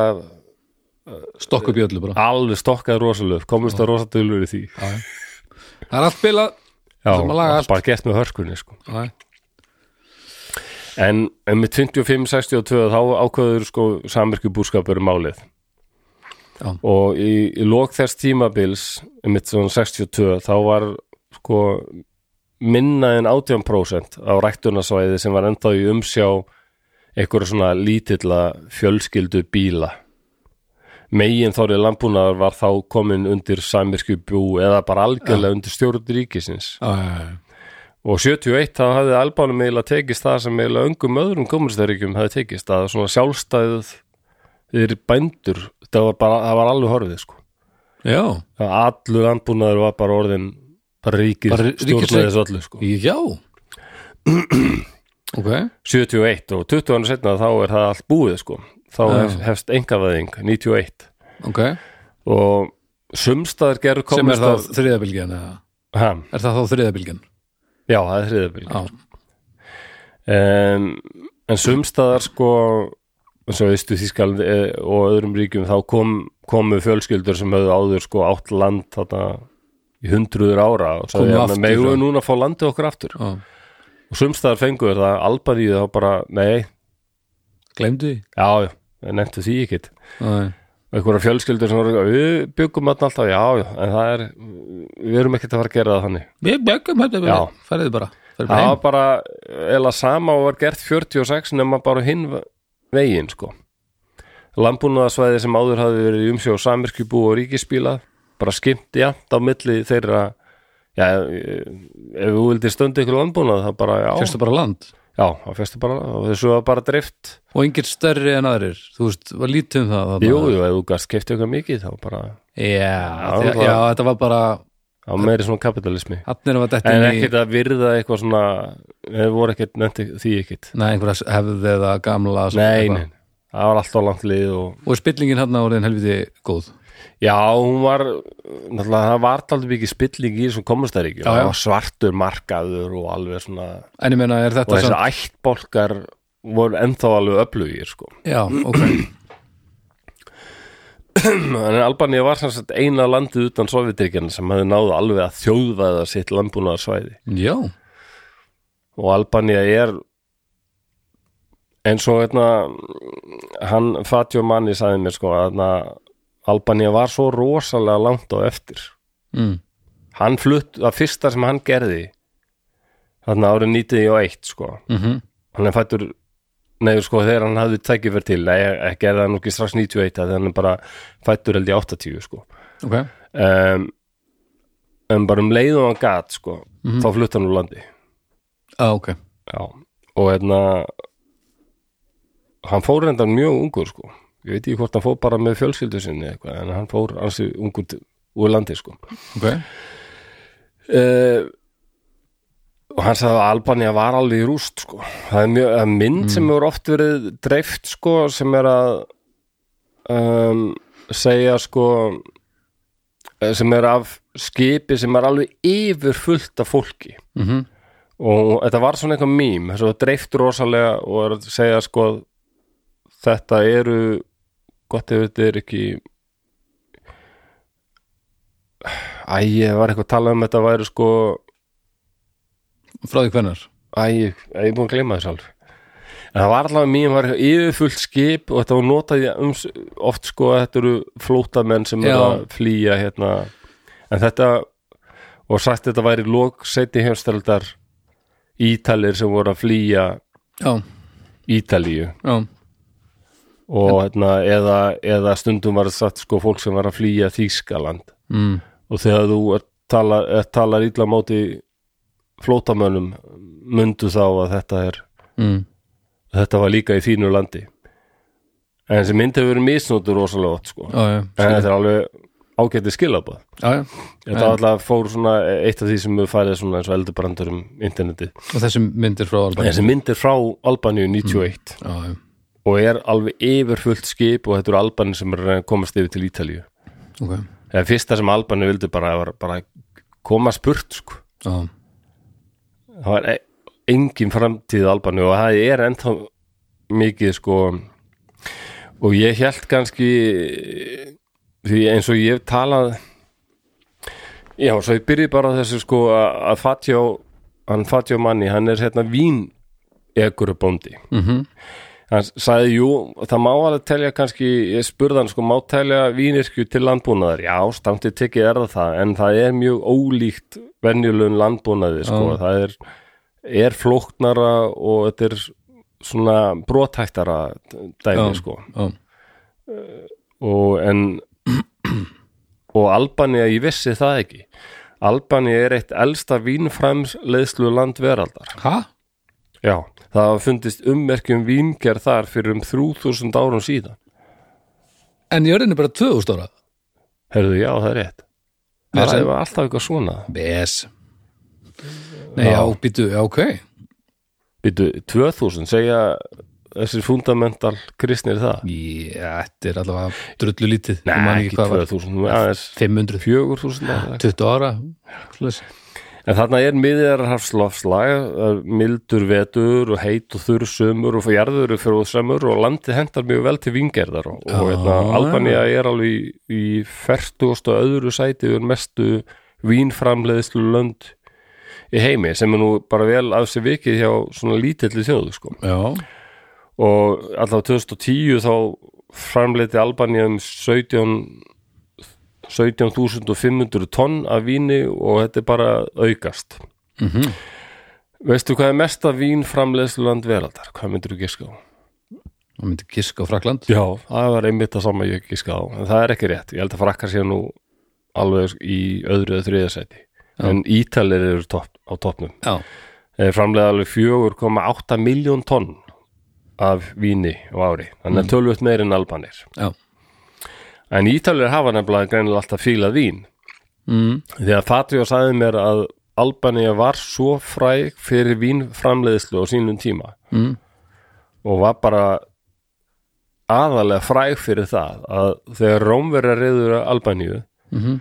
þeir tóku aldrei neitt peningaskatt af albönum, Nei. Bara vín. Nei, já, þá veistu úr með gott út í hundrum já. Var, þetta var, var bara einfallega besta vín þú þess að djöfus peninga réttum við bara þessar flösku þetta já, og líka allir þessi hermenn sem Rómverja með, þeir fengu alltaf sko alveg góðan vínskamt eitthvað hálfan til eitt lítra á dag. Flott. Já, bældi því. Já, þetta er sniðið á dag. Ég ætla, ég þarf aðeins að heyri hálfvitum með að því, sko, það þótti bara mun örugar að drekka vín heldur en vatn Já, já, þá var menn alltaf að stoppa eitthvað ægir eins og í dag. þetta drekkur úr sem polli hérna. Ég sammálaði í dag. Já. Þetta er eins í dag, myndi ég segja. Hérna. Og svo, og svo tóku menn eftir því að allir sem drukkur úr sem polli, þeir voru konið með niðurgang og voru bara Já. heldur slappi Ég veit það. Þetta, það- þetta íslenska vatn er líka ofmetið. Maður er alltaf með niðurgang og voðalega heitt. Já, Já, já, ok. lít, en lítra vín en þú mátt velja, hvort myndur þú sko ef þú var að fara í bardaga ykkur staðar í Þýskalandi við Germani, Armeníus og félaga. Já, já, hvað er ég með? hvort myndur þú frekar vilja vera svona, ja, bara svona létt drukkin Mm. eða með bullandi niðurgang og hita? Ég myndi frekar vilja vera léttur á því. Eða það ekki? Jú, jú, já, en er þetta sverða svona vesen eitthvað? já, það er það. Já, já. Já, ég sverðað vesen. Já, þú veist, að því að niðurgangur Ég heldur sko, mann saga, saga heldur mann meira á mannkynnsins tánum, er sko. taldið mikið sverðað vesen. Algjörlega, en ég er bara að pæla, Eða það? Já, maður er, þú veist. En við erum alveg Ég held að að fara í stríð sé eins og uh, uh, þú veist, þegar maður er að drekka í keilu. Þú veist, maður byrjar í keilu og maður getur eiginlega ekki neitt. Já. og svo kemur svona, svona korterskabli sem maður, get, maður, er, maður er ósiðrandi og svo, fer, svo þegar maður er búin að drekka einu bjór meira þá er frjálsfall Ég held Og að maður Ég er ekki að tala með þér að við verið alveg blind fullir Nei, nei, en ég er bara að segja, þú veist, Hann stríð er er eins og ég, sér. punkturinn minn er bara að stríð er eins og keila. Já, stríðin er svo keila. Já. Nákvæmlega. Endir. Sko um, og, og Fatjó hann Jú, hann var ekki hrifun af Tyrkjum frekar en nokkri ræðir hérna Tyrkir og ennþá bara mjög illa séðir sko og Grimmir, skildu eftir sig, já, slæ, slæmar minningar Já. sko.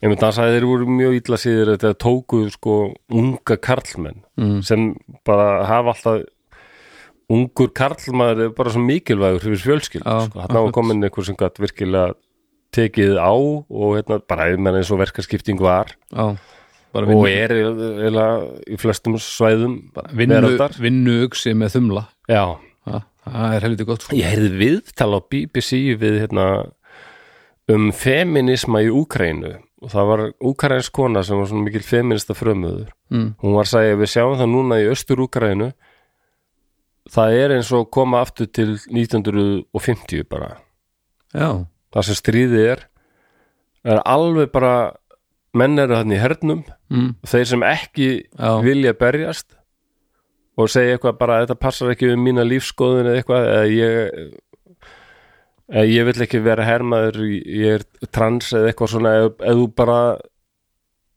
þú ert bara settur í þessa traditional kar, karlmanna hlutverk. Mm. þú ert bara sterkur og þú ert hermaður og mm. berst fyrir Úkrænu og þú gerir það ekki þá ertu bara þá ertu bara lamin eða, eða fangilsaður eða tekin á lífi bara af því að þú ert bara liðlöpi já, og konur, þeim er ekkert leift að berjast.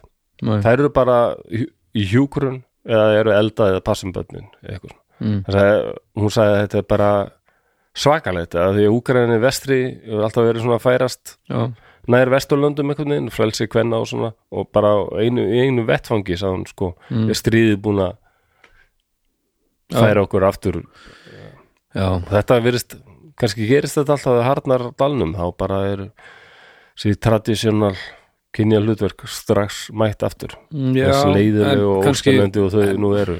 en uh, það hætti nú að gera það öllum vikindum þegar út komið nokkra kynnslóðir sem sem uh, er ekki að er ekki menguð af þessum pælingum veist, þá, þá flýtur þetta að snúast um hver er bestur hver fellur best til verksins, skilur já, ef en, þú hefur tíman, til að meta, skilur en við viljum bara hérna, vera eitthvað lesa, ég vil bara vera að lesa bækur og, og borða ís og þú Ég- bara að það- búið til músík og svona, við værum hérna í Úkrænu nei, þið er bara, gjörðu svo vel, þið já, byssa þú berjast. Ég, er- ég, Nei, ég vil ekki berjast, ég, frekka að fara til vina með Íslandi. Nei, gerir það ekki neitt. Mm, Það er bara ekki vel séð. Nei, Það er búið að banna bara karlmönnum sem eru yfir átján.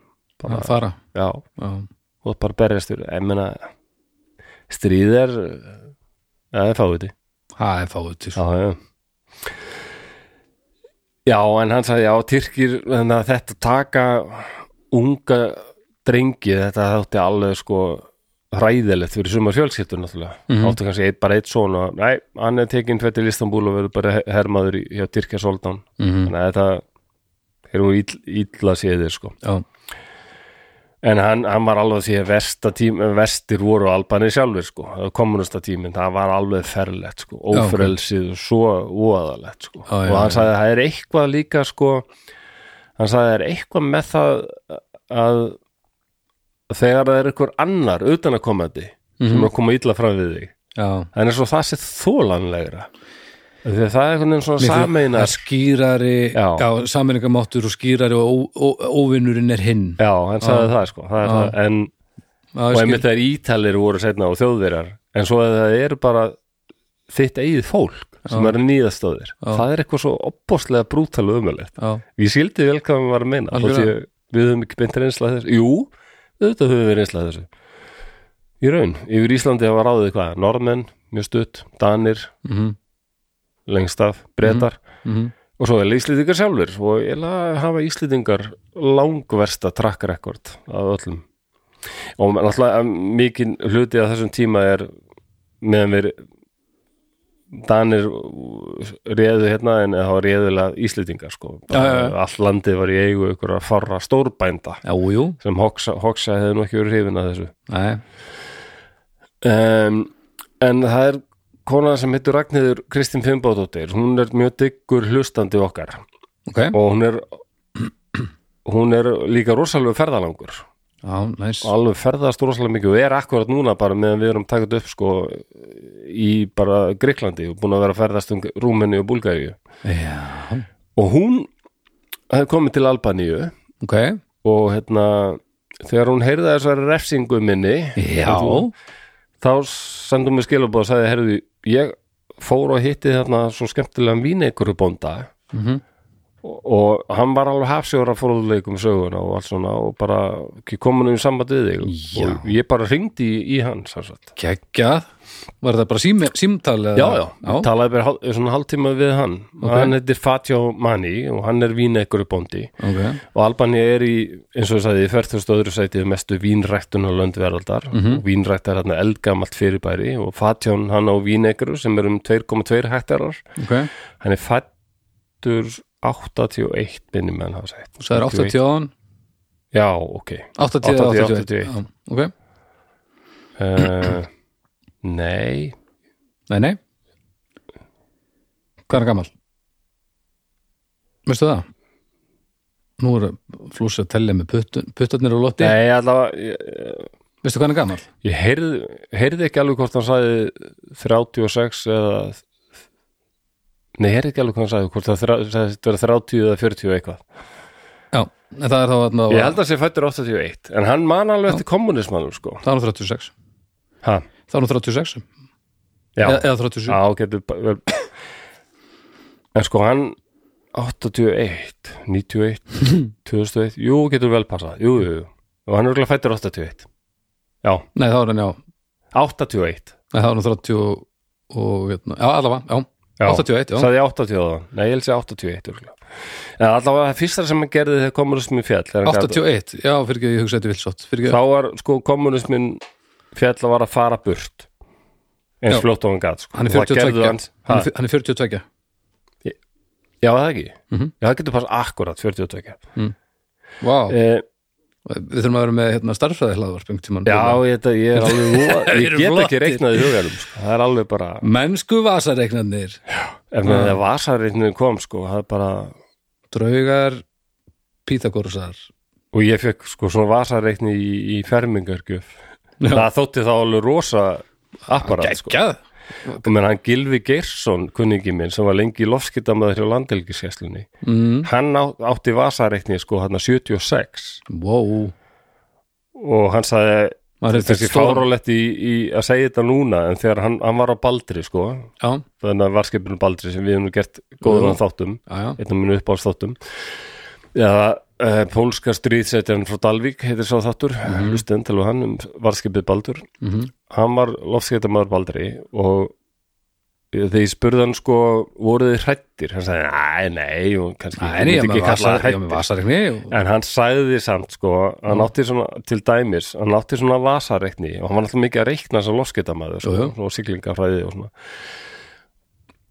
og hann Þetta er nú ekki merkilegt í dag. Gerir þessu grein fyrir því. Já. en 1976 þá var þetta forláta apparat. Já, geggjað að- já bara rosalegt tæki sko. Já, og sagði, og hann tímdi aldrei að fara með það um borð.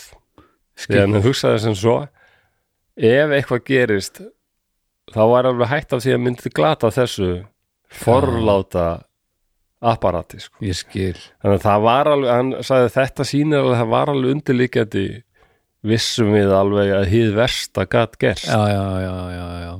Algjörlega, skipið bara færi niður og þú værir bara í björgunarvesti í sjónum og, eða kannski bara í sjónum án björgunarvestis ef... það var ekkert eitthvað svona ég fekk ekki pössun, hann að Halldóra er hérna með mér.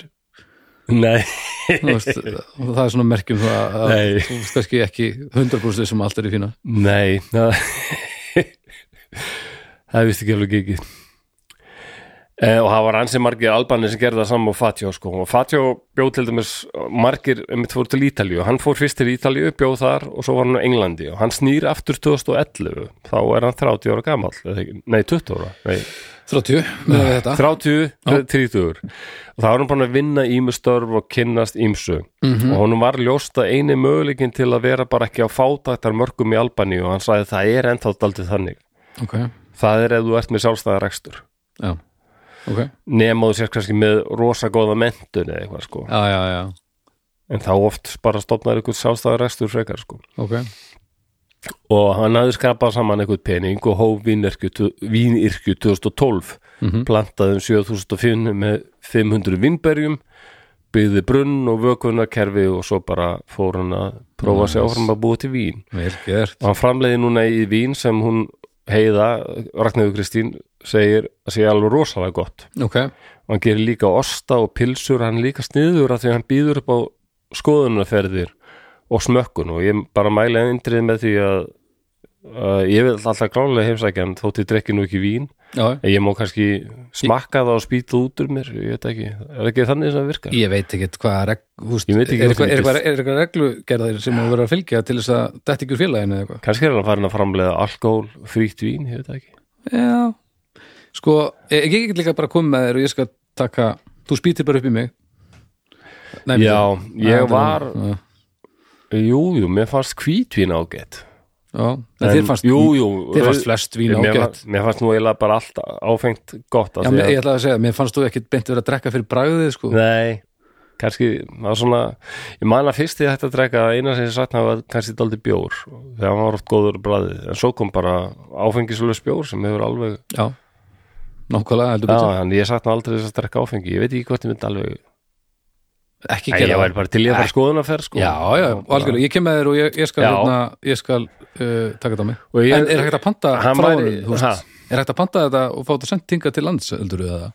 Ég held að það sé örugglega meira á það þessum Það er bara pottitt en ég að við- hérna, hérna er það ríkið sem hefur yfir um sjón með því sko. já, en það er nú orðið Já, þú sjálfstæðisflokkurinn alltaf að berjast hatræmlega gett þessu frelsi einstaklingsins til þess að vel kaupa sitt eigi vín út í nettó. Já, já, ég var nú í Danmörku. Já. það kom mér óvart að því að það er alltaf að tala um úrvalið verið svo lélegt þegar, þegar þetta brestur á eitthvað. Já, sem ég segja það. Í búðunum þarna, það var ég var ekki var við að, úrvalið verið eitthvað skelfilegt. Þú Nei, veist, ok, þú þarft að fara í áfengisbúð til að finna lúðadótið en þú, það er bara eins og við erum að gera núna. Já, en ef þú ætlar að fara og náður í eina þokkalega rauðvinsflösku með matnum þá var alveg hægt að velja slatta sko, ég held það. Þannig að þetta er þú veist, þetta var gammal mimmi mimmi þú veist, eins og ég trekki ekki áfengi en ég myndi ég er alveg samátt að þetta komi búðir. Og þessi fór að, já, þú veist þetta ætlis vandamáli stækki eitthvað, ég meina ef maður ætlar að annan borða að verða hellaður, þá gerir maður það bara. En ég veit ekki, þú veist. Ég hef enga trú á því. Nei, mér finnst þetta pínu gera veist, fyrir Já, mér sem ég, bara, ungling mér er mjög, ég er mér sem óðalegur kemur að svona forræðisíkju, þá verði ég bara rosalegur Já. hærmaður, sko, ég bara vill ekki nei, nei, bóðu bönn helst nei, og líka, og fyrir mér sem Ég vil ungling alltaf vill leifa, nei ekki amfetamin, þarna hass og marihuana, mér, er- er stætti bara að leifa þetta. já, Það þýðir ekkert að vera, bönn hafi engin áhrif. Mannkynnið bara fer alltaf á svig við þetta.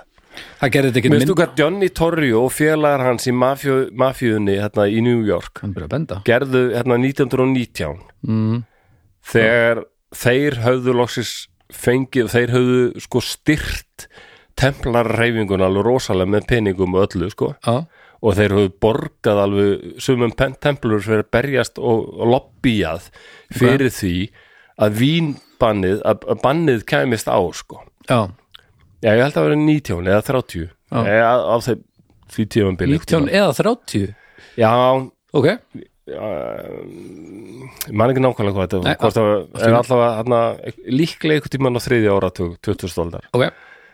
Að það að það er bara fullkomið áfengi spanni í bandaríkjunum, allavega í New York fylki. Mm og þeir hérna Johnny Torri og félagar þeir bara þeir skáluðu sko. Bara sögðu bara strákar, nú erum við sko að fara að vera ríkir. Já, já, þá náttúrulega höfðu þeir fólk er ekki að hætta. Þá, nei, fólk, Fólk er ekki að þeir hætta. vissu alveg hvert eðli fólks var. Og ég held fólk að vildi geta feng, fengið sér bjór eitthvað þá bara höfður sambandi við mafjóð mér fannst þetta ekkert minna spennandi að, að þess væri bara hægt að fá þetta í einni búð þegar ég var runglingur nei, nákvæmlega.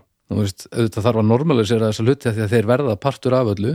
Já, og það er ekki hægt að miða allt við þá sem gátt ekki skilur, eða get ekki mér líður þannig, það þarf að, það þarf að búa til umhverja sem er hægt að hjálpa fólki sem missi tökin. En nákvæmlega. Og það sé eitthvað sem, að, og eitthvað sem að þarf ekki að skammast sín fyrir. Og, en það er kannski ekki það er miklu betra að búa til heilbriða nálgun á þessa hluti. Að ég er innilega sammála og þess ekki refsa þe- ekki refsa fólkinu sem er að nei, í neyslu nei, og það er öll að íta fara í þessa leið sko. þegar búið að íta þið niður í einhver, einhver skúma sko tinga og þanga og þetta er alveg galinn pæling. Það er alveg fárálegt já, þetta er, já, það er svona gammaldags hugsun í þessu oft sko. allavega, ég verð til í að smakka þetta vín, það verður ekki ekki veistu hvað það heitir? það heitir sko allavega svæðið hans eða fyrirtæki heitir Cantina Mani og mér síndist standa bara Cantina Mani á Ok. okay. vínunu ég ætla að setja link á, á hérna egrunna hans Gekja?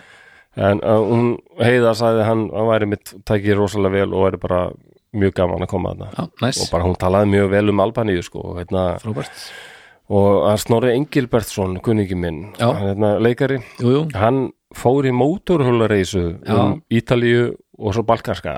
Já, og hann sagði Albaníu bara, þetta var allt frábært sko, en Mhm. Albaníu bara bara af. Og hann sagði Já. ala bara fólkið er svo frábært. Hann fór þarna, já. Það er svo vinalegt og skemmtilegt og bara þú keirir á mótorhjólum og kemur inn í ykkur bæ Já, og fólk bara brosir og stendur upp og kemur hæ, velkomin, já, hver er þú? Þetta, og hann sagðist þú frá Íslandi. Og allir bara, hei, vá, bara kölluðu þarna, hei, hei, hei, það er gaur hérna komin frá Íslandi, það er komin frá Íslandi? Ertu með einhverju myndir úr Íslandi? Maður segir, og bara hann bara leið alltaf og hann var bara komin bara heim sko, í hverju meinasta bæri sem hann kom. Svona svipað væp og Kólumbía. Já, á, það- á, á flestum stöðum, já. Á, á, þetta er náttúrulega það var, það var allir svo ógæslega glæður að sjá mann bara, Já. wow, það var nema kannski dópsalarnir hérna í hvar var, hvað heitir þetta? Ma- Malihjón Malihjón Hvað Það? Er það sem hann Það? sem að Escobar var. Medellín? Uh, Medellín. Medellín. Medellín uh, Nei, þau voru alveg glöð að sjá okkur en að pínu annars stemmar í sumstaðar. Nei, Já, geggjum þú þarna fóst með einhverjum þjóðveri og lappaði inn í í vitluskverfi Já, en þau, Hey, gambari, það skrifast á okkur sko og þjóðverinn eitthvað hérna. Yes, we are going to see uh... Nei, við vorum með bakpókan, þetta var hryllingur sko. Hann, Já, púl, hann púlaði þetta bara ekki vel. Nei, nei, hann Ég aldrei flósið. Þjóðverið eru indalt fólk en þeir eru mjög Ég misefna hef aldrei gefið svona margar fimmur á, á æfinni á stuttum tíma eins og því að vera fimm okkur út úr þessu hverfi. Það var rosalegt. Ég sé þið fyrir mér með eitthvað svona Raffimmaði bara, já, ég- we, are looking for the Hann var ekki alveg Indislu maður bara við. Já, Geggjaður. mér, bara þjóðverið frábæri sko.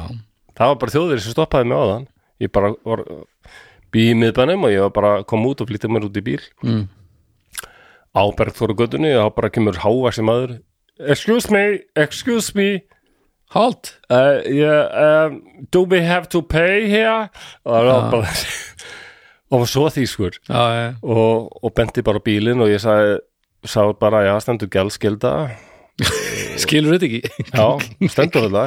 Yes, it says sagði, yes, you have to pay. Gjaldskylda. yeah, uh, but where do we pay? Og ég Já. bara uh, þetta er góð spurning. Já, og ég svipast í kringu og ég sá hvergi hennar svarta stöð sem á að vera. Nei, Uh, þetta er eitthvað astnalegt já. Hvernig þetta er. Og ég sagði hann sko ég, þetta er mjög góð spurning. Uh, ég nota alltaf app. Já, ég held að langflestir gerir það. Ok, app, yeah, I think I have a Paka app that can do this. I will look for it in my cell phone. Já. Hvað, ætli þetta sé besta leiðin fyrir þau útlendinga? Er það bara, eru uppin málið? já, hann fór strax bara í síman já, já, ég vona hann að það hefur tekist en það er yfirleitt einhver svartu stautur en stundum er hann bara kannski eitt stautur og, og gatan er kannski 70 metra löng eitthvað. Þetta er, þetta er eitthvað undarlegt. Svarti staut En það- Hljómar eins og sérst að tanna þunglitið þitt. Já, svarti stautur Ég, ég, ég sá ekki Ég sá ekki svarta The stautin. black rod come into my leg Já, þetta þú segir nokkuð. Auðvitað. Svarti járnstauturinn er komin á ný. Ekki svarti hundurinn eins og Churchill Jú, en ég meina Mér finnst það, ég fatt að Hundar það eru svo næs. Já, nákvæmlega, ég hef aldrei getað tengt á eitthvað þunglind Þannig að að mér er vera alltaf þótt þetta black dog eitthvað svona Já, Þetta, þarf að vera stautur. Svarti stautur ég, ég me- Þetta er frábær hum Ég tengi miklu betur við þetta. Já, já.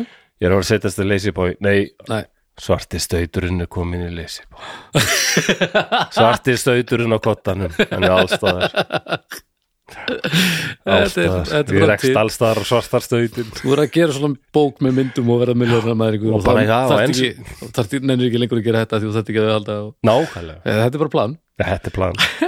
Og bara þetta er Og ennsku líka The Black Rod. The Black Rod? The Black Já, Rod já. Já Og hérna Þetta Já, Albani er 28.750 ferkilometrar 24% af því er rækta land 36% eru skóar og 15% er annars konar ræktun eða vínegrur Mhm. held nú að þessi skóa held nú að þessi tölfræði passa ekki alveg það sem ég segja áðan en þetta er svona það er að aukast eitthvað þetta sem er ræktaland og land, en nei, minka held ég að því að landbúnaður er ekki lengur númer eitt. Já, já, já, túrisminnuna og já, hann er daldið og hérna, við tölum daldið um framtíðan möguleika Albani ég sagði sko þetta land virðist það var svo margt að bjóða. Til dæmis með, með túrisma ég sagði hann já, og hann sagði jú, að það er bundnar vonir við það. Túrismin er alltaf aukast aldrei Mhm, og svo segir Albani og talin vera svona falda perlan. Já, sérstaklega baðstrendur það er geggjaðar baðstrendur. Það er alltaf nóg til af strandlengju. Já, það er alveg nóg til og, og bóðslega lít og gott þarna, og mjög lágt veðlag ofsalega lágt sko. Menn að Snorri segði það að bara þegar hann kom til Albani munun og Ítalíu sko og hérna það bara, ég fer bara yfir með ferju og það bara já, allt í nú bara gista bara heila viku eitthvað staðar sko þrjú þúsund kallið eitthvað. Þannig að Albania hefur okkur í því sennilega. Já, ekki, er, er ekki, er ekki verð. örugt að segja þessi hagstæðar að, vera þarna. En það er kaupið Já, tölvöðs lægra. Já, já, já, já. Eh, og eða væri til að fara bara í góða reisum balkar, þetta er mjög heillandi Já, svæðið með rosalega svo já, heldur betur maður. Jú, hérna, og útflutningur er samt að þess að lambúnaðar útflutningur er að þess að aukast og hann Fatjó sagði það er líka sko opinberlega þá vilja stjórnvöld styðja við lambúnaði, ég sagðist að lesið það á netinu að, að stjórnvöld verður að setja svona trukk í það að styðja við ávastaræktun og ólífur og vínegrur og svona og ráðist í miklar aðgerðir í að er ekki sagt að ræsta eða ræsa mýrar, ræsa fram mýrar, ræsa bara það er ekki ræsta, hugmynd. það er bara að reynsa Það er bara að taka, já ræsa mýrar svo Ok. okay. þetta breytaði mig í, í Já, gróður já, ég bara veit ekki, ég bara þekki ekki orðið Nei, og auka, auka ökvun við starfsóknum þessu, ég man ekki hvort það er ræsta ræsa, ræsa Já, fram ég byrst afsökunar að ég vera bara fáviti. Já, ég Æ, ég gerði, myndi nú ekki gera annað sko, ég, hérna, Já, Já. En hann hann svona ég, á já þeir segja það þessi eru svolítið duglegir að stíðu okkur jú, jú. það hljóma lítur óalega vel út á pappirum sko í Brussel að við erum svo duglegir að stíðu bændur. Mm. en hann segist nú ég væri alveg til í að sjá meiri áhuga já ok, og meiri stuðning frá stjórnvöldum. Ok. Og hún fannst hann oft vera vera að rekast á einhvern vegg. Hann sagði að þú þarft alltaf að setja pening oft í eitthvað. Já, og þetta íða pening til að fá pening. Að hann vera- veit það best sjálfur. Já, hann gerði það sjálfur og, og taka þetta smá séns. Og sagði bara alparið þurfa aldrei að gera þetta. Mm. og skapa störf og, og koma í veg fyrir hennar fólksflótta. Ég átti hálfpartin ég þekki serbneska stelpu og serbar er náttúrulega já, þeir eru eins og þeir eru Mm. þekki serbneska stelpu sem hérna kynntist í Danmörku sem var svona, hún tók viðtal við mig, ég var þá í Rockljónsveit og tók viðtal við mig og, og ég fór eitthvað og hitt hann á til og drukum kaffi og spjöllum og skemmtileg stelpa og hérna vissi helmikið um músík og kynnti með aðeins fyrir serfnesku rocki og okkur svona Nice. og ég spurði hana eh, nei, hún bjó ekki í Danmörku, hún var bara ferðalagi, alveg rétt. Og ég spurði hana, já, ertu að heimsækja eitthvað ættingja? Hérna, ég, og hún sagði, bara svona fussaði, bara sagði, ég hef engan áhuga að hitta neina serbar sem búa hér. Mm. bara og ég varð að ganga á hana og þá kom ég ljós og hún fyrirlit þetta fólk sem hafði farið sko Mm. á stríðstímum flúið landið og snýr ekki tilbaka til að byggja þau upp og hún var alveg svona var, já ma maður fann alveg hún var þjóðirni sin. En það hefði verið í lagi að að flýja landið og koma svo tilbaka já, Já, já, já, hún var alveg á því og þú Já. átt að koma tilbaka og, já. en hanga þarna og vera vælandi og töðandi Mm. já, Danir leiðilegði ykkur Það er já, skilja já. Það var mjög fyndið, hún hljómaði daldið eins og danski þjóðurði sinni sem segja útlendingum að Já. þessi burt Já, já, það er alveg rétt þeim þeir eiga heipa þessi burt til síns lands og hjálpa hjálpa við að byggja það upp og ég held kannski að Fatján myndi taka sama pól í höfðina mm. hann gerir það ekki hann sagði að það er en það fór hann sjálfur, hann veit bara já. hvernig þetta er sko, bara hafa, hafa kynst algjöru vonleysi Veistu af hverju hann kom tilbaka? Já, hann alltaf, hann seg, ég manna eins og hann sagði, það kom alltaf allir tilbaka.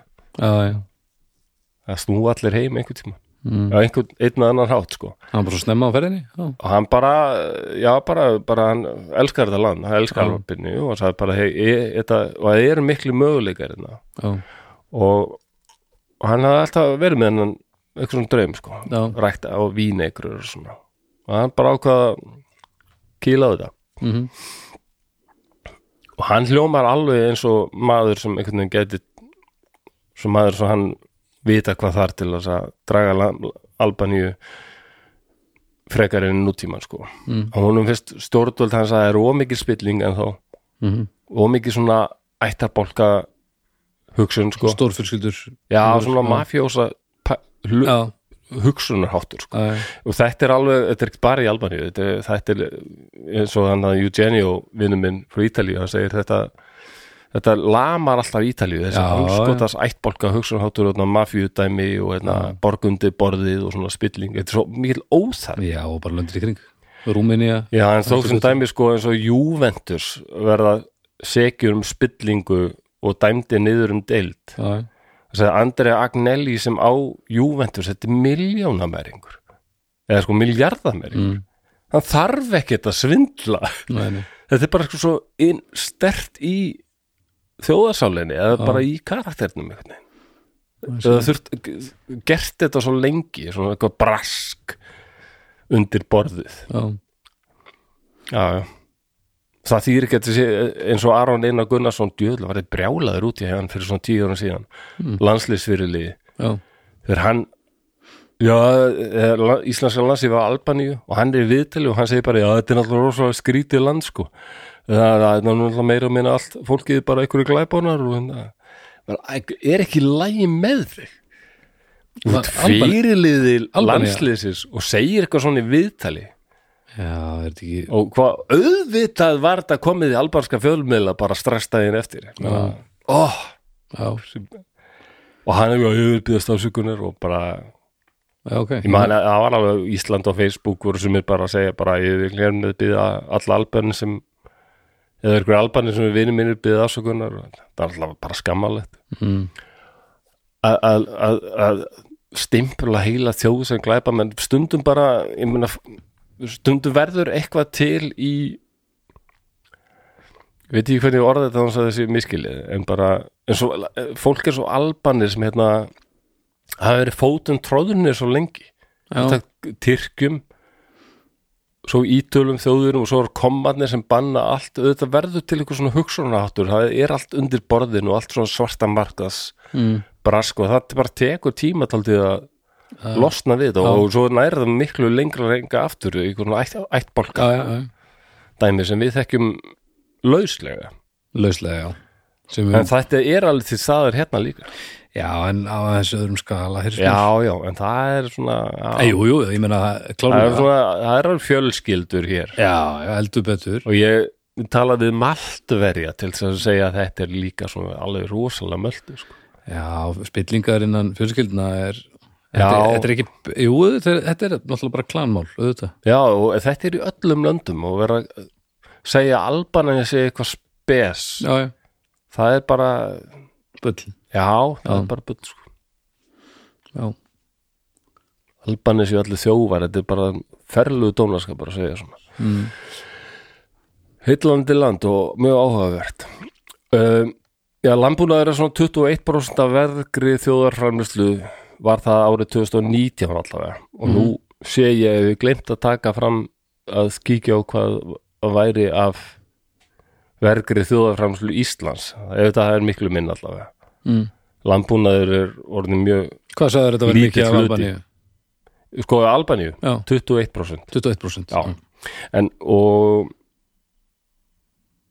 til dæmis skýða en svo er eitt sem albanir hafa miklar áhyggjur af Já. og ekki síst albanski bændur og til dæmis San Fatjó já, það er veðurbreytingar já, hann er ekki svona climate denier hann sagði bara við finnum bara mjög vel fyrir þessu miklu meira um skóæreld alltaf og maður er bara skítrættur hvert einasta sumar sko. Hvort Já. þetta verður bara muni allt skrælna. Já. Sko, og það var allt farið til helvitis. Já, má alveg vera þurrt en ekki of. Já, og hann sagði síðasta tífambil var slæmt sko. Að, það er hannig á, hann sagði ég má eða ekki við því að fá mörg svona tífambil þá bara fer ég á hausinn sko. já. Shit, já, það, þannig að þeir eru mjög hrættu við þetta og, og, og ég spurði hann líka um sko að, hérna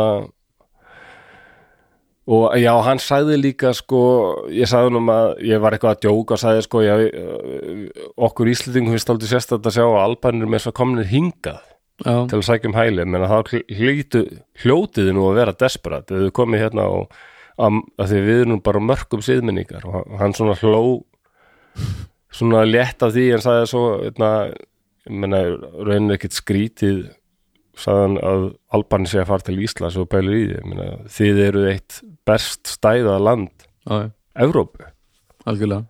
Fólk horfir bara til Íslands og sér að þarna friður, það er engin átök mjög fjarri öllum átökum og, og svona Himinhálaun já og bara mjög, mjög já, gott helbriðskerfi, gott, mentur og auðvitað, fólk vill bara þetta. Já, er alveg sama um hvort það er kuldið eða eitthvað svona, vill bara hafa íbúð og geta verið þar á þess að ég hættu að bara eitthvað liðið sparki upp hurðinu og hendur út úr götu og, já, og bara vinnu þar sem þú færið kaup og hérna nokkulega það er, þetta er bara einfalt. Brauð. Já, já, já, já. Um, hann sagði Albani að binda miklar vonur við EU sko. Það er eiginlega bara við Airwaves? EU, EU, eða ESB Já. sko. er ég bara annað? Og Já, það er skiljanlegt. Já, já, sagði, það, það er eiginlega win-win. Já, bara það hlý, ég getur ekki versnað sko, Nei. við að fara í skil. hann fer aldrei eftir því hvernig þú talar hans eldra fólk er skeptist á það. Já, já, eins og alls það annars staðar, ég eftir því ég var með maltneska fjölskyldu, ég var í leysubransan já, og hjónin sem voru svona já, aðeins yngri en ég 40-50 eitthvað. Mhm. um, þau voru rosalega móti fannst alveg ömulegt að Malta skildi að hafa gengið í Evropasambandi, það var allt verra allt völd af einhverjum flótamönnum útlendingum, að þetta allt Mm. en krakkarnir þeirra, sem voru svona á þrítjósaldri, mhm, man ekki kannski 22-24 strákur að stelpa þau bara glottu, bara eftir ekki að hlusta þetta bara, já, þetta er miklu betur já. Núna getum við, eins og stelpa sagði mér langar að fara í háskóla til Englands. Létt. Já, mi miklu öðvölda já, það, hún sagði það þá en þá var Já, já, já, sko, Það var aðeins búið að breytast. þá var, já, það var kannski 2019 eða 18 hefur við talað við Já. þá sagði við langar að fara til Englands eða Fraklands í háskóla sennilega í Fraklandi já, allum sé ekki það núna. Já, þú ert nú hérna má, hann, ekki máur þinn sem er Jú. giftur sýstuðinni Sam. Hann var ómyrkur í máli hann var nú búin að fá sér nokkra bjóra þarna í ammælisveislu bróðuðins um Bretland sko. Ég Já. er bara saknar þess ekki, nei.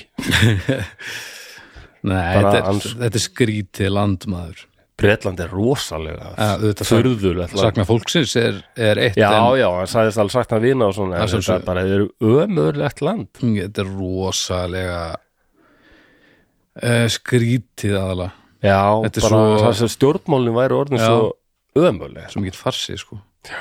þetta er svo mikil steik já, talandi um spillingu líka. talandi um spilling Já. það er bara ég ætla að Bretland sem er svona hátt á listum mun hæra en Albania yfir eitthvað bullandi spilling líka þetta er allstaðar Já, já. Ég brjálaður út í Aron Einar fyrir að segja þetta sko. Alltaf England- hérna. England er allavega með kongafólk til að bjarga sér alltaf Já, það er nú reyndar. Það komið ressun og flottan kong Er það spillingin að náði hempuna? En ég er að vera búin með þennan þátt um, Það eru möguleikar líka Albanía getur til dæmis aukið aðeins fiskveiði mögulega. Ok, Það eru vött líka, það sem hægt er að veiða og bjóðu upp á gómsæta vatnafiska. Og túrismin getur orðið meiri. Mm. eins sagt er Albanía, albanska strandir séu hinn falda perla Evrópu, lágt verðlag. Mm og en ég lokum mig, hann sagði bara fórsenda hann sagði það þarf að minka spillingu. Hún er ennþá mikill og áhugi stjórnvalda spilling innan meðal stjórnvalda sjópálmanna er og mikil og áhugi þeirra á umbótum mætti alveg vera meiri Já. og betri. Já, annars hef ég ekki mikið meira að segja um landbúnaði Albaníu, þetta var svona tilhörn mín til þess að bregðast þessari áskorun. Þetta er geggjað.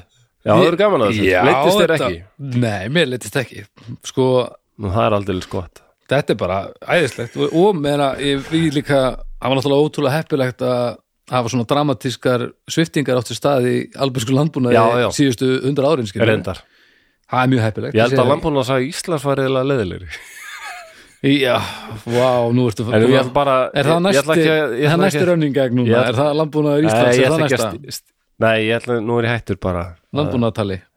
Já, bara hættur að renna over fundin Það er bara, Nei, en ég, það er spurning hvort að fólk væri núna að kalla á landbúnað Íslands Jú, þátt Herðu, já, nei, mér, Já. mér leitist ekki Þetta var geggjað og gríðalega gott að koma úr frí og starta þetta á þessu Er það ekki? Jú, Já, það er gott að heyra Það er Eh. ljómandi gott að heyra og uh, Oh my god að, gott að, gott, eins og gott að taka frí það var gríðalega gott að koma aftur Já, það, það er alveg, ég er alveg sammála því Eh. Þetta var mjög góð hugmynd bara, einmitt, þetta var alveg passlega Mánuður. taka Og hérna, ef þið viljið uh, taka þátt í að uh, hérna, að, ef þið viljið hjálpa okkur með að búa til fleiri þætti og, og heyra vikulega þætti, þá færið inn á Patreon okkar og, og kíkið uh, á okkur þar. Þar er hægt að skrási alls konar áskriftir og þið finnið það, hérna, linka það í, í lýsingur á þessum þætti. Um, þið viljið tekka því.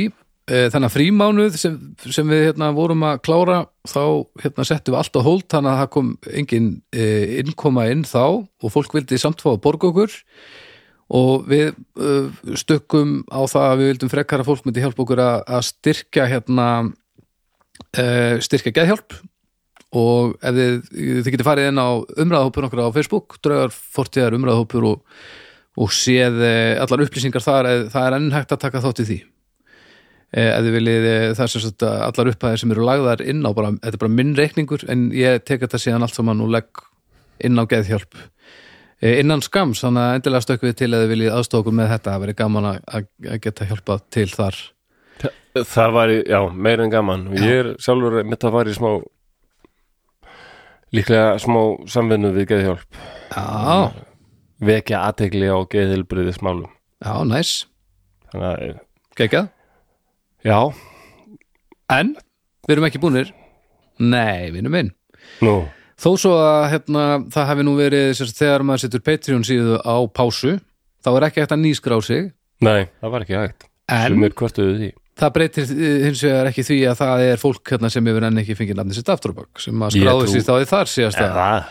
Já, þannig að þú eru núna að virkja afturbak vöðvan við fáum stefið aðeins upp og setjum okkur aðeins í stemmara Ertu klárið þetta? Já, já, við skulum bara dempa okkur Er það ekki? Já. Það er ekki eftir neina að býða Nei Guð. Herru, þá er það Ég held ég sé orðin svo riðgæður í þessu. Já, ég held það líka. Hvað hva gerði ég hérna? Já, uh, Alexander Alvin. Redna Lexa. Alvin? Já, Ni, Já, Redna Lexa Nifla Nifla Já, takk fyrir. Þorvaldur Heiðar. Rullafróð Raði Já, takk fyrir okkur. Auðun Haraldsson Nuðua Nostlara. Ó, já. Uh, Takk fyrir. Dagur fokkin Gnísson Rugat Gnikov Nosmirg Gnikov. Uh, Takk fyrir. Brynjar Sjöð. S-C-H-I-Ö-T-H Já, vá, það er aldrei Ok, vel. Rænir Tauks Já, Tauks vel gert Takk fyrir. Sæjun Eðvarsdóttir Næs.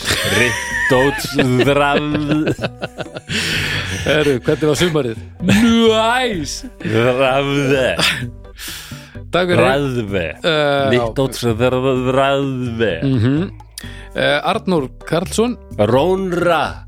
Noslrak Jáp, takk fyrir. Og Guðrún Ólafsdóttir lókum Nurðúk Rittóts Faló. Já, uh, takk fyrir þetta. Takk Uh, fyrir er, kærlega. Ég er að vona, ég sé ekki að gleyma einhverju sem sendi mér línu og hérna sagðist uh, ekki hafa heyrt nafni sitt ennþá. Uh, Það er svo fyndið að sjá þessa posta.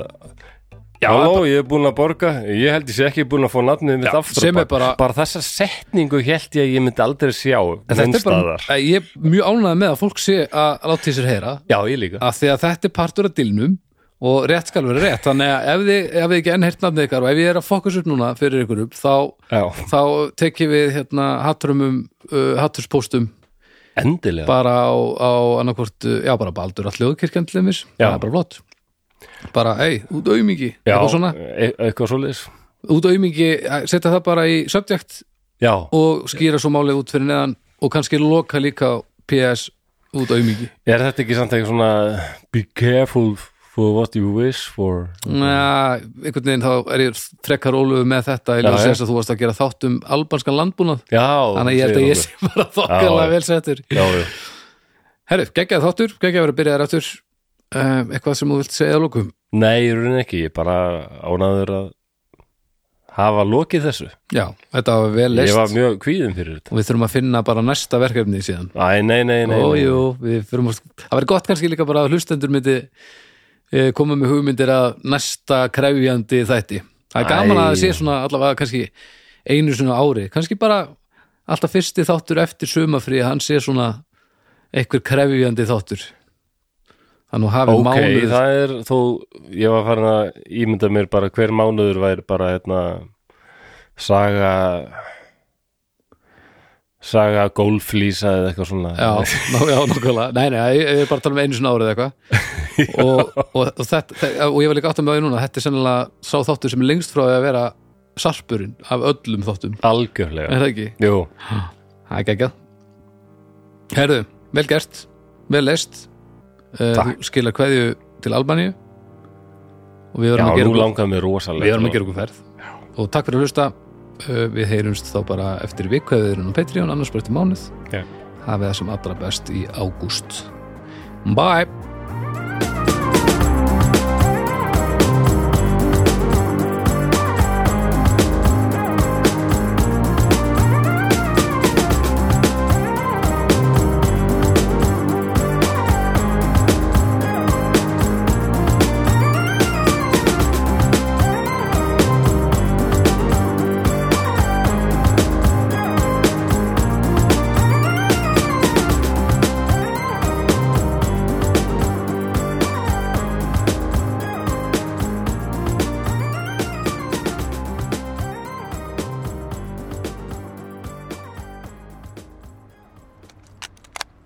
Sjóvá tryggir rattirnar í höfðun á þér.